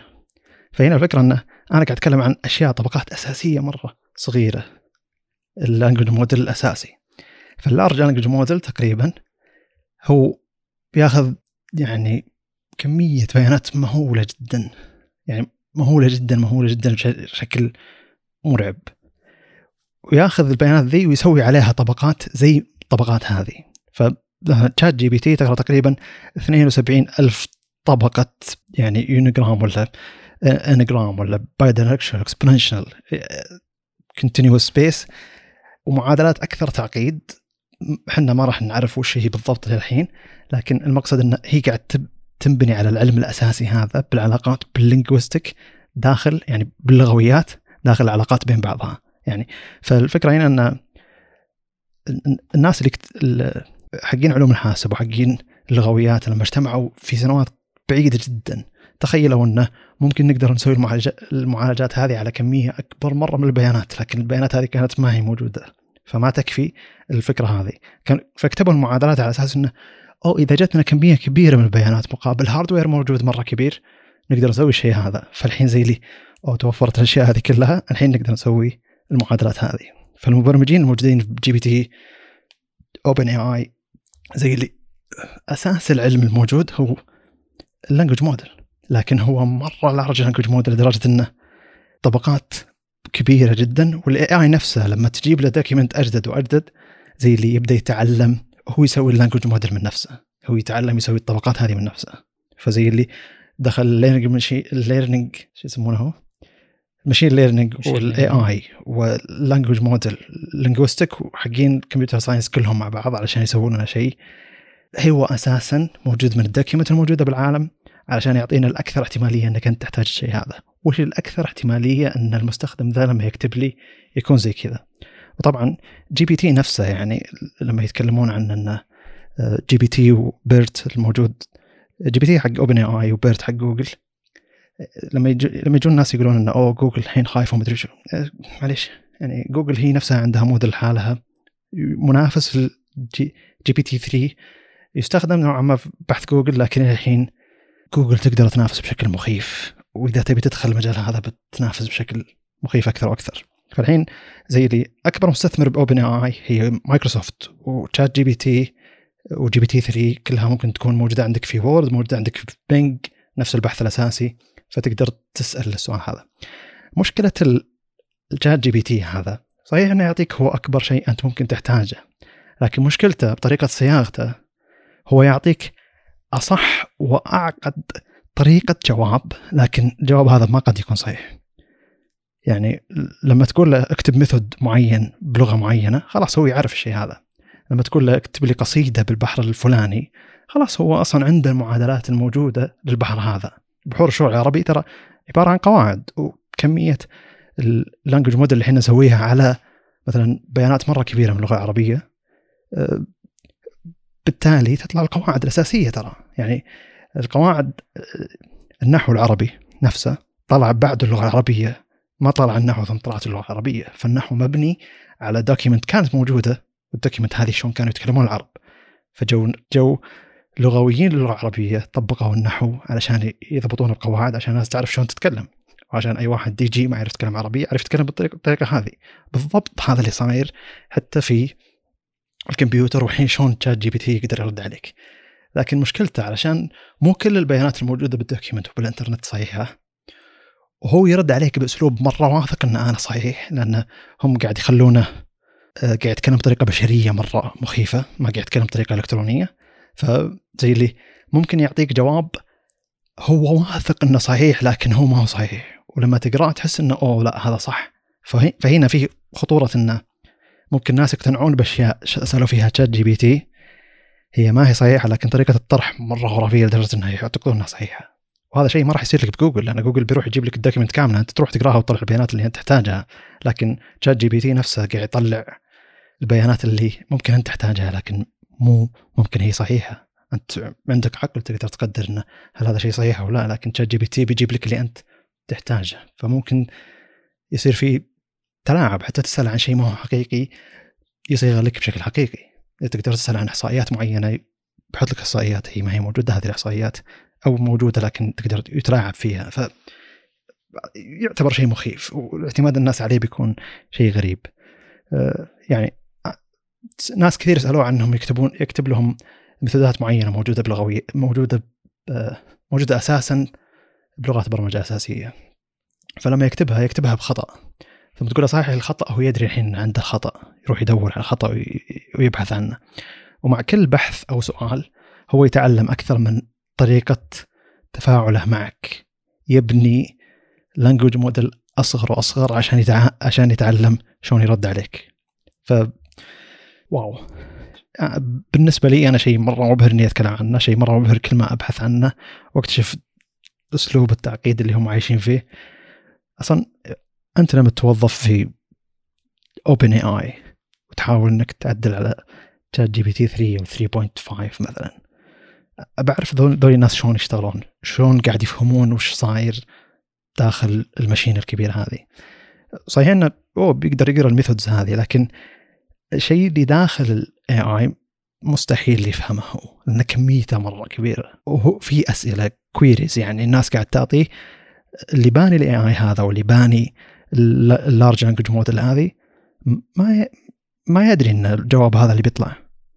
لأنه هو ما فحص ال document هو حط طريقة علشان تعالج فيها ال documents وأساليب معينة وكل شيء ينبني فوق كل شيء. فزي اللي حتى هم ما يدرون وش راح يصير لما ينسأل السؤال هذا. فالفكرة هنا انه قد يعطيك جواب خاطئ بصياغة خرافية. خرافية إلى درجة مخيفة. فليش؟ لأنه قاعد يتعلم شلون يتكلم زي البشر. ف أنا ما شفت أحد يتكلم بالطريقة هذه آه، عربيا. ما شفت أحد يشرح بالطريقة هذه ولأن المادة مرة جديدة عندنا فما أتوقع أصلا إن في أحد ممكن يقدر يطلع المادة هذه برا مو يطلع المادة هذه برا الجامعة بس واحد يحاول يشرح للناس شلون الشيء هذا ممكن يشتغل وش مبادئه الأساسية. آه، أغلب اللي قاعد أشوفه من المقالات والأشياء اللي هذه ما قاعد تحاول تشرح للناس شلون ذا الشيء يشتغل لأنه أوه جوجل خايفين وداخليا قاعد يحاولون يسوون ما يسوون. آه شوي شوي. إذا أنت تفهم وش الذكاء الاصطناعي موجود بجوجل جوجل عندها quantum computer نوعا ما تقدر تحل المشكلة بطريقة أبسط بكثير من الخوف اللي صاير. لكن آه بما أن مايكروسوفت تحط ChatGPT داخل آه بينج وكذا قد يتحسن البحث في مايكروسوفت إلى درجة مخيفة وقد يكون حتى صياغة الأجوبة في مايكروسوفت تكون مخيفة. لكن ما يزال الناس إذا بحثوا آه، يبون document هم يطلعون منها. البيانات خاصة إذا كان حقيقة أو صواب. حقيقة أو خطأ يعني. فهنا الفكرة يعني. ما أدري إذا كانت الفكرة وصلت بطريقة ممتازة ولا يعني. تع... تعبناك. آه، بالنسبة لي الموضوع مرة يعني بحسب كلامك أضاف بعض النقاط للحروف بالنسبة لي بحكم أن هذا تخصصك يعني.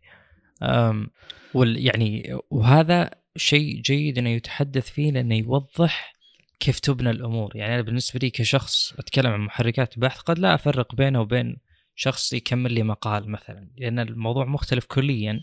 فأنت يوم تتكلم على أن وش اللي وش اللي تسعى له يوم تقدم منتج زي كذا؟ هذا بالنسبة لي اللي يهمني. يعني يوم نتكلم على هل أنا أدور شيء يكمل لي الكلمة اللي بعدها ولا يجيب لي جملة كاملة ولا يتوقع من كلمة واحدة ممكن يعطي لي اقتراحات للكلمة قبلها إنه يكون يعني ذو اتجاهين. ف أنا للأمانة إلى الآن ما حصلت لي فرصة ولا أتوقع إنه ممكن تحصل لي فرصة إني أجرب ChatGPT بس بسيط جدا أنا ما أحب الأشياء اللي تصير في أدوات بسيطة. أه. أه لا هو مبهر جدا إنك أنت لما أه بس هذا جانب AI يعني.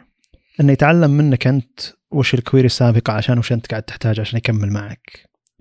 عموم هذه الأشياء يعني أه ترى شو اسمه غالب التعرف على الصوت والمساعدات الذكية الموجودة بالاجهزه مساعد جوجل الصوتي ولا مساعد امازون الصوتي ولا مساعد ابل الصوتي آه، كلها تعتمد على أسلوب من الأساليب هذه. فمساعد جوجل الصوتي نفس الطريقة يعتمد على أسلوب من الأساليب هذه. يعني لو ما في شيء اسمه large language model لو ما في شيء اسمه language model ما راح يكون في تنبؤ بالكلام اللي أنت تجيبه ما راح يكون في تعرف على الكلام اللي أنت قاعد تقوله. آه، صعب جدا من الأسئلة الكبيرة إنها تنحل بطريقة أسرع.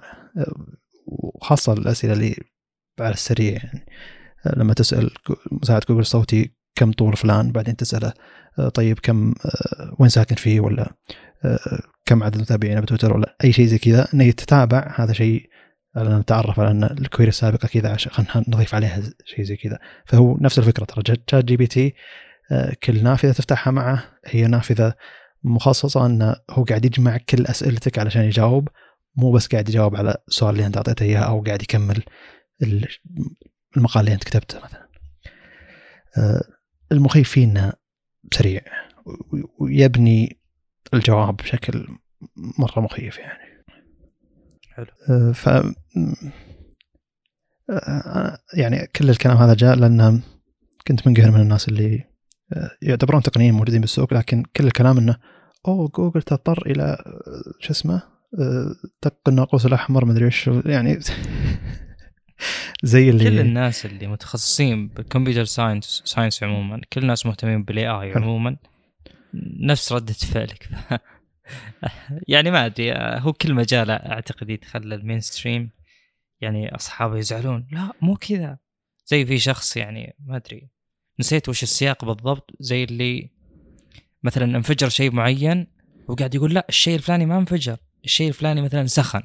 فهو يعطي خلينا نقول يعني وصف أكثر للشيء والناس تنظر له بالأخير يعني بمنظور آخر. فالناس اللي بال mainstream مستحيل بيقولون يعني كشخص يبي هدفه الاساسي إنه عنوانه ينتشر. ما راح يقول لك والله ChatGPT شيء عادي ولا هو أو إنه شيء مختلف عن جوجل هو ما راح يعطيك حقيقة أعتقد. بيحاول يسوي زي الاستفزاز لشيء معتادين مثل جوجل يعني هم هم ناس منفصلين عن الواقع كليا. ولا يهمهم الواقع. فلا يمكن ان يكونون دقيقين فيما يقولون. أدري إنه في عندي استطرادات نوعا ما بس إنها كلها متعلقة بموضوع إنه أي شيء يدخل ال mainstream ما راح يشرح بالطريقة اللي أنت متخصص تفهمها. حلو. أه طبعا عشان تعرف تعرف تعقيد ال documents يعني إن معالجة الصور يعني DALL-E اللي طالع ذا DALL-E 2 اللي هو تقول له سوي لي صورة بالطريقة الفلانية. معالجة صور وتعرف على الصور تعتبر أسهل من التعرف على الكلام بطريقة مو معقولة. أول شيء الصور فيها محدودية. مثلا آه، عندك RGB كل لون من اللون الفلاني للون الفلاني. خلاص أنت بتدخل سبع سبع ملايين لا لحظة 175 مليار صورة تخليه يتعرف عليها ويتعرف على عنوان كل صورة منها. يعني DALL-E المبهر فيه إنه يتعرف على كلامك ثم يحوله إلى صورة مو المبهر فيه إنه قاعد قاعد يطلع صورة زي كذا. إنك تطلع صورة بطريقة معينة هذا شيء يعتبر أسهل بالنسبة للكمبيوتر. لأن الكمبيوتر عنده محدودية يعني. ال RGB الأساسي ترى 250 لكل لون. الأخضر 255 لكل لون. فيعتبر جدا محدود. لكن من ناحية مثلا جدا محدود من ناحية إنه ما عندك 16 مليون مثلا آه، لون فقط وترى مرة يعتبر قليل. لكن ك كشيء صوتي ترى أنت ممكن آه، تقول كلام مستحيل أحد قبلك بالعالم قد قاله بالطريقة اللي أنت شرحتها فيه. فهمت؟ يعني قد مر ممكن تكون تقول كلمتين ثلاثة ورا بعض ما أحد قد قالها قبلك. فهنا يكون الموضوع مرة معقد. فدال اي إنه يفهم الكويري الشيء اللي أنت تكتبه له هذا شيء أكثر مبهر أكثر انبهار بكثير من إنه يطلع الصورة اللي أنت تبيها. فدال اي الأساسي اللي هو تكتب له طلع لي الصورة آه، مثلا الاسد بطريقة الملون الفلاني أو الفنان الفلاني. فروح يحط لك إياها. يعني ياخذ الأسلوب ذاك من ناحية الألوان ويجيب لي إياها يجيب له يجيب مفهوم الأسد اللي هو يعرفه ويرسم الأسد بالطريقة هذه. التعرف على على على الشيء هذا هو المتعب ودائما لازم يحطون آه، يعني الشيء المتعب الثاني انه لكل صورة موجودة لازم يحطون document توصف الصورة هذه علشان ال DALL-E نفسه يتعرف على الكلام نفسه علشان ال query حقتك توضح وش المقصد من الكلام هذا أو وش الصورة ذي يعني بالضبط. فهنا الأشياء المبهرة. عموما انه أي شيء له علاقة بال AI كمية بيانات جدا ضخمة مقابل معالجة قوية موجودة بالسوق هي اللي قاعد تخلينا نقدر نستخدم AI عموما. يعني ولا هو لما ترجع وش المكتوب بال AI أو ترجع لاساس علم ال AI ترى مكتوب بالخمسينات والستينات الميلادية. ف هذوليك كانوا يتصورون أوه لما تجينا كمية بيانات كبيرة لما يجينا hardware قوي نقدر نسوي عليه كل المعادلات هذه بنسوي كذا. فهنا الفكرة أنه ترى ما في شيء مبهر علميا لأنه شيء يعتبر مرة قديم لكن المبهر أن الناس قدروا يسوون من الشيء القديم ذا شيء مرة مبهر الحين. هذا هذا الاستفاده من العلم بطريقة واقعية سريعة وممتازة وتفيد الناس بشكل واقعي وسريع. طيب ننتقل CES 2023 سم. آه طيب. أول شيء Lenovo أعلنت عن شيء لابتوبين غريبة؟ اعلنت أكثر من لابتوب لكن في لابتوبين غريبة. أول شيء لابتوب أساسي آه شاشة تحت شاشة فوق. والشاشتين هذه تقدر تضيف عليه الشاشة اللي تحت طبعا. الشاشتين كلها لمس. لكن في شاشة أساسية تحت لما تلمسها الظاهر بعشر اصابع تقدر تحولها إلى keyboard trackpad تحت نفس الشاشة. ولما تكتب فيها يعطيك haptic آه، feedback يعني اهتزاز على إنك كأنك ضغطته. وتقدر تحط ال keyboard اللي تقدر تشتريه معه للنص اللي فوق أو النص الأسفل من الشاشة اللي تحت. وفي مغناطيس يثبت ال keyboard هذا. وأيضا ال keyboard نفسه له غلاف. الغلاف هذا تقدر تحط stand للشاشتين بحيث إن الشاشتين دي تصير فوق بعض أو جنب بعض بشكل آه، عمودي أو افقي اللي أنت تبيه يعني.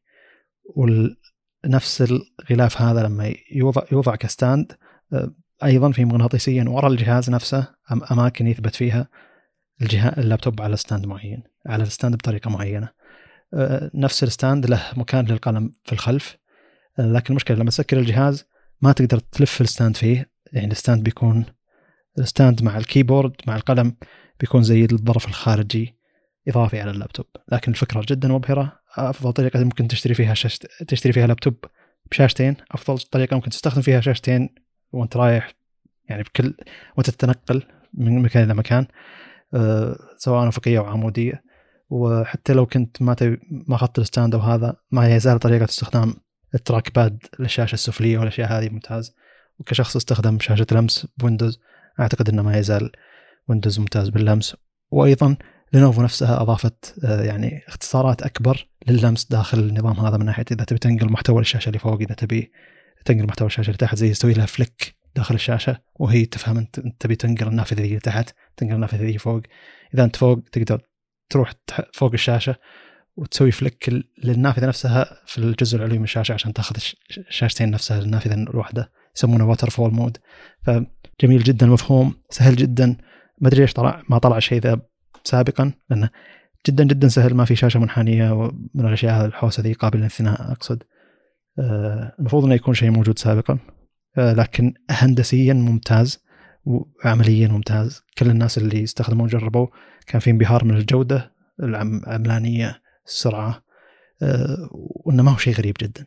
صحيح إنك تحتاج تشيل ظرف مع اللابتوب حقك لكن قاعد تشيل شاشتين مو بشاشة واحدة. الفكرة جدا ممتازة. هذا شيء فعلا ابهرني أنت شفت الكونسبت يعني أو ما كونسبت الجهاز بينزل يعني. آه، شرحي له كان واضح. ما أدري إذا كان. لا آه، شيء. بس أكيد حلو. الرؤية أوضح. جدا جدا جدا جدا مبهر. الناس اللي يستخدمون شاشتين على طول يعني زي اللي بيكون خيار سهل سهل إلى درجة عجيبة يعني. آه الخيار الثاني يعتبر شيء أغرب شوي لكن ممكن يحل مشاكل نوعا ما البطارية الموجودة بالسوق. الشاشات الحبرية ترى بدأت تتطور بشكل كبير وخاصة ال refresh rate حقها. آه E Ink نفسها الشركة اللي محتكرة الشاشات الحبرية ظهر طلعت منها براءة اختراع خلاص صارت موجودة لكل الناس. فبدأت شركات صينية تصنع الشاشات الحبرية بشكل أفضل أسرع بدأ يصير في منافسة. فهواوي الظاهر نزلوا شيء زي الكندل أو تابلت تقدر تكتب عليه بشاشه حبرية. آه، فالحين لينوفو نفسها حطت آه، لابتوب تقدر تلف الشاشة نفسها. يعني الشاشة الأساسية قدامك الشاشة العادية. خلف الشاشة ذي هي الشاشة الحبرية وتقدر تسوي swivel آه، يعني. يعني إيش الطريقة؟ يعني في hinge بالنص موجود يعني الشاشة ما هي مربوطة بالكامل مربوطة فقط بالنص. وتقدر تدور الشاشة عشان تخلي الشاشة الحبرية هي اللي قدامك والشاشه الأساسية هي اللي وراك. لما تدور تقدر تطفي الشاشة اللي وراء تستخدم شاشة حبرية بشكل مباشر. شاشة حبرية فيها فيها ألوان واستهلاك الطاقة يكون فيها مرة مرة ولا شيء إذا طفيت الشاشة اللي الثانية. وال refresh rate rate فيها يعتبر ممتاز بالنسبة للناس اللي يستخدموا الكندل والأشياء هذه. بتعتبر ممتازة للناس اللي يعدلون document بشكل مطول مرة كثير لأنك أنت ما راح تحتاج شاشة أساسية أو يعني خاصة إذا وصلت البطارية مرة متعبة. إذا سكرت الجهاز نفسه والشاشه برا الحبرية نفسها تقدر تستخدم شاشة حبرية كتابة قراءة لكن ما يزال الجهاز نوعا ما كبير ثقيل. آه، ما هو مو الدرجه ذي يعني. لكن الفنانين اللي يبون يكتبون على حساس إحساس ورقي أكثر أو حتى الطلاب اللي يبون يكتبون على إحساس ورقي أكثر. يعني كشخص جرب يكتب على شاشات ما يزال الكتابه على الشاشة ما هي بالجودة الكتابه على الورق. وفي ناس يقولون إن الكتابه على الورق على الشاشات الحبرية قريب من شا... من شاشات الورق فهذه التجربة بتكون ممتازة للطلاب أو الناس اللي رسامين وغيرها. الفكرة نوعا ما جيدة لكن مو بالجودة هذه. أه حلو. أه أبل هذا خبر ما أدري إذا كان في CES ولا لا لأن Qi charging نفسها أدري منظمة حقت الشحن اللاسلكي اللي هي طلعت ال Qi charging Qi wireless charging الأول. الحين طلعت تشي وايرلس 2 أو تشي 2 الغريب إن ابل شاركت تطوير التقنية هذه وأضافت شيء مشابه جدا لل MagSafe وقد يكون ال MagSafe نفسه يشتغل على التشي 2 هذا شيء جدا جدا جدا ممتاز. شحن اللاسلكي الناس يعانون من انك إذا حطيت الجهاز المكان الشحن اللاسلكي موجود بالجهاز ما توافق مع الشحن اللاسلكي موجود عندك فما قاعد يشحن الجهاز. فالمغناطيس يحل المشكلة. إذا كان في مغناطيس أقوى آه، شو اسمه الناس اللي يثبتون أجهزتهم بال بالسيارة. شخصيا أنا أثبت جهازي بالسيارة فاضطر إني أثبت حديده ورا الجوال عشان أثبت الجوال. لكن إذا كان في شيء مشابه لل MagSafe قد تاخذ مثبت جوال مشابه لل MagSafe أو يدعم التشي 2 مثلا الحين. نفس الوقت يشحن نفس الوقت يثبت الجوال يكون مغناطيس حقه قوي. يعني شفنا التجربة ذي ال MagSafe الأساسي وشفنا في ناس كثير يستخدمون آه، ال MagSafe لاستخدامات كثيرة غير إنه صار يدعم شحن اللاسلكي السماعة نفسها آه، ساعة ابل تشحن شحن لاسلكي ال MagSafe نفسه.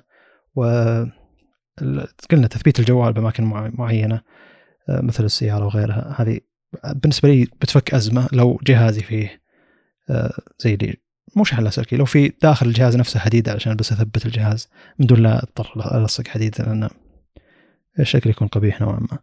ف شيء غريب إن أبل شاركت بالشيء ذا وخلت الناس يعني طبيعي يلا خلاص استخدموه ما أدري إذا كان في حقد على الاتحاد الأوروبي من ناحية إنه ما نبي ال USB-C نجبر عليه وفي تقنيات إحنا سويناها أحسن. مع إن أبل ترى يعني لو ترجع ال Thunderbolt وغيرها مع انتل آه، يعني السياق حقهم جيد يعتبرون جيدين من الناحيه هذه ما هم من الشركات اللي ما هي من الشركات اللي تحتكر إلى الدرجة ذي. Thunderbolt يوم جو يطورونها مع انتل كانت خطوة جدا ممتازة وأتوقع إن هذه خطوة جدا ممتازة. آه طيب. سامسونج أعلنت عن شاشة ViewFinity S S9 وأعتقد إن هذه منافس مباشر شاشة أبل. 5K 27 إنش آه معها كاميرا مشابهة جدا ال M8 اللي قبلها لكن جدا جدا جدا شاشة فاخرة ومواصفاتها جدا مبهرة. فيها أربع Thunder اي فيها اثنين USB-C وفيها USB-C فيها Thunderbolt 4 ف فيها سامسونج Smart Hub من ناحية إن الشاشة هي نفسها شاشة ذكية. تقدر تثبت عليها كاميرا فوق Google Meet بيدعمها بشكل أساسي. آه، جدا جدا شاشة نحيفة. آه، ف زي اللي الاميت اللي كانت فكره فكرة معجبين فيها. الحين صارت جدا جدا جدا فاخرة. ما أدري كم السعر لكن منافس مباشر. ما لا ما هو منافس غير منافس غير مباشر لشاشة أبل. أه والفئة هنا أكثر. الفئة هنا أفضل. فكرة الكاميرا فكرة الشاشة الذكية فكرة Thunderbolt فك يعني أشياء كثير حتى التصميم يعتبر جيد. 16 9 شاشة أساسية عادية يعني. أه لكن الأفكار اللي قاعد يحطون عليها تعتبر ممتازة. monitor. آه سامسونج عندها شاشة جديدة. آه أتوقع هذه لازم تعلق عليها لأن أعتقد أن عندك بحث أقوى بحث أكبر. آه في TV جديد من سامسونج. التأخير حقه 1 nanosecond مو 1 الحين لحظة. ال monitors العادية وال TVs العادية 1 millisecond 4 millisecond milli فننزل مايكرو لا مو مايكرو اثنين لا إيه ثانيتين. 2 nanosecond تأخير حقها. ف آه، أعتقد إنه شيء مبهر إن أول شيء نقزنا المايكرو رحنا للنانو على طول. آه، شاشة إذا كانت الالعاب ولا غيرها بيكون شيء جدا مبهر. يقولون حتى ال ghosting اللي يصير من ناحية إنه وال refresh refresh rate حق الساعة حق الشاشة نفسها 120 لكن ما يزال مثلا شيء اللي قاعد يتحرك بسرعة مبهرة. ما يزال يطلع له ghosting بسيط قبله وبعده. أي بعده مو قبله. فالحين ممكن يكون غير موجود نهائيا. يقولون التقنية ذي يعني الشيء الجيد فيها. سابقا كانت ما هي موجودة إلا على ال mini mini LED ما كانت موجودة إلا على شاشات مرة كبيرة. الحين التقنية ذي موجودة. مسمينها CX مدري CX type أو شيء زي كذا. آه اي CX CX panel أيوه. آه وصلوها إلى 50 إنش فممكن بتكون بشكل ممتاز آه مناسب للشاشات الأصغر والأرخص عموما.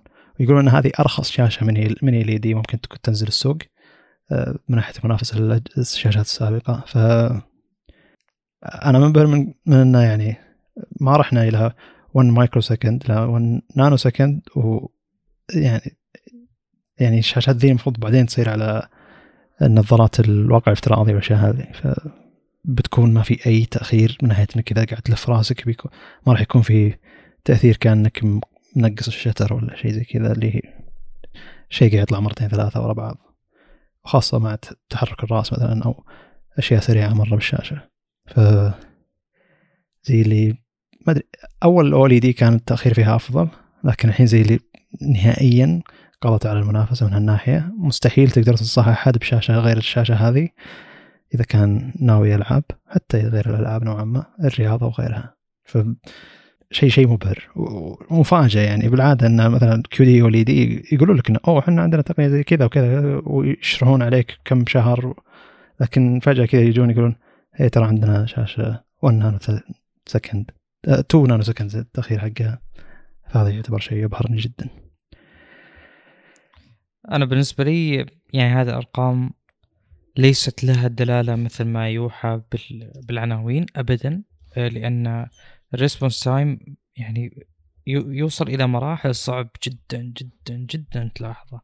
صعب يعني تحدي فهو وصل هذه الأرقام أمر جيد لكن لا يعني إنه شيء يعني هو اللي يستحق التطوير مثلا. أنا أعتقد في أمور أخرى أولى بس إنه يعني هو هو جزء من التطور. بمعنى ان يوم أنا أقدم شاشة لفريق التسويق إن هذه الشاشة أفضل بكذا وكذا وكذا أعتقد إنه بياخذ العنوان اللي يناسبه ويسوق عليه بناء عليه.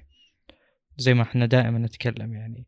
لكن إني أسوق بناء على response time أنا ما أشوف. مو الفكرة هنا. الفكرة إن أول يعني أنا أول مع LG OLED يقول لك إحنا ال response time عندنا أكثر أنتم ما جيتوا OLED صح. هذه مشكلتكم. فزي اللي الحين حجة ما صارت الحقين ال OLED صارت عكسية ولا حد يقدر يتكلم عنها ف شيء مبهر. وشيء مبهر الثاني إنه صغروا حجم الشاشة اللي يقدرون يصنعونها بالتقنية ذي ورخصوا السعر. فزي اللي هي شركة سوت كل شيء تقدر عليه من ناحيه انه قاعد يركزون على الألعاب يعني. وغالبا سابقا كانوا يقولون أوه خذ monitor 1 millisecond أحسن من أي TV ثاني إذا كنت بتلعب competitive مثلا. زي اللي خلاص خذ لك شاشة 50 milli micro LED 1 2 nanoseconds 120 هرتز خلاص. عيش الناس اللي يركزون على الأشياء هذه مع ان حقين TV مو بعد يركزون على الأشياء هذه صحيح. حلو. آه طبعا لا أزال عنده وجهة نظري لأسباب كثيرة من ضمنها جميل. إن مثلا اللي بالشخص اللي بيلعب ألعاب عنده محدود بال response time حق الماوس حق ال keyboard حق كل الأشياء الأخرى من ضمنها ال GPU أكثر مما إنه محدود بال response time حق الشاشة. إذا كنت أصلا تحس بال response time حق الشاشة. أنا عندي ال Odyssey G9 ما يعني ما أحس ابدا ب response يعني تأخير على حسب طريقة استخدامك يعني ما أحس ب latency أنا قاعد أحرك ال cursor 240 هرتز أحس إني ماسك ال cursor بيدي وأحركه. الابتعاد عن الشاشة اشياء تاثر ممكن اشياء ثانية تاثر بس عموما إنه شيء جيد. آه، شيء غير بالنسبة لي شيء ما كان متوقع إن ال micro LED تروح للجانب هذا وتكون بالسرعة ذي. قد يكون هذا الشيء ممتاز حتى مستقبلا شاشات اللمس وغيرها. إذا إذا قدروا يوصلون التقنيه هذه لشيء أصغر بكثير. آه، إلى الحين إحنا بال OLED على الشاشات الصغيرة مثلا اللمس نعاني من ال ghosting خاصة إذا كان في لونين غامقة موجودة مع بعض. تعاني من التحبير هذا اللي يطلع. ف micro LED ما راح تكون هذه مشكلة نهائيا. نهائيا يعني. مرة بعيدة عن المشكلة ذي أنت. وهذا شيء أكثر حماس يعني. ال- يعني لما كنا نلوم أبل إنها رايحة لل mini LED مع إن الحين ال mini LED ما نضجت من الكلام هذا على الآيباد.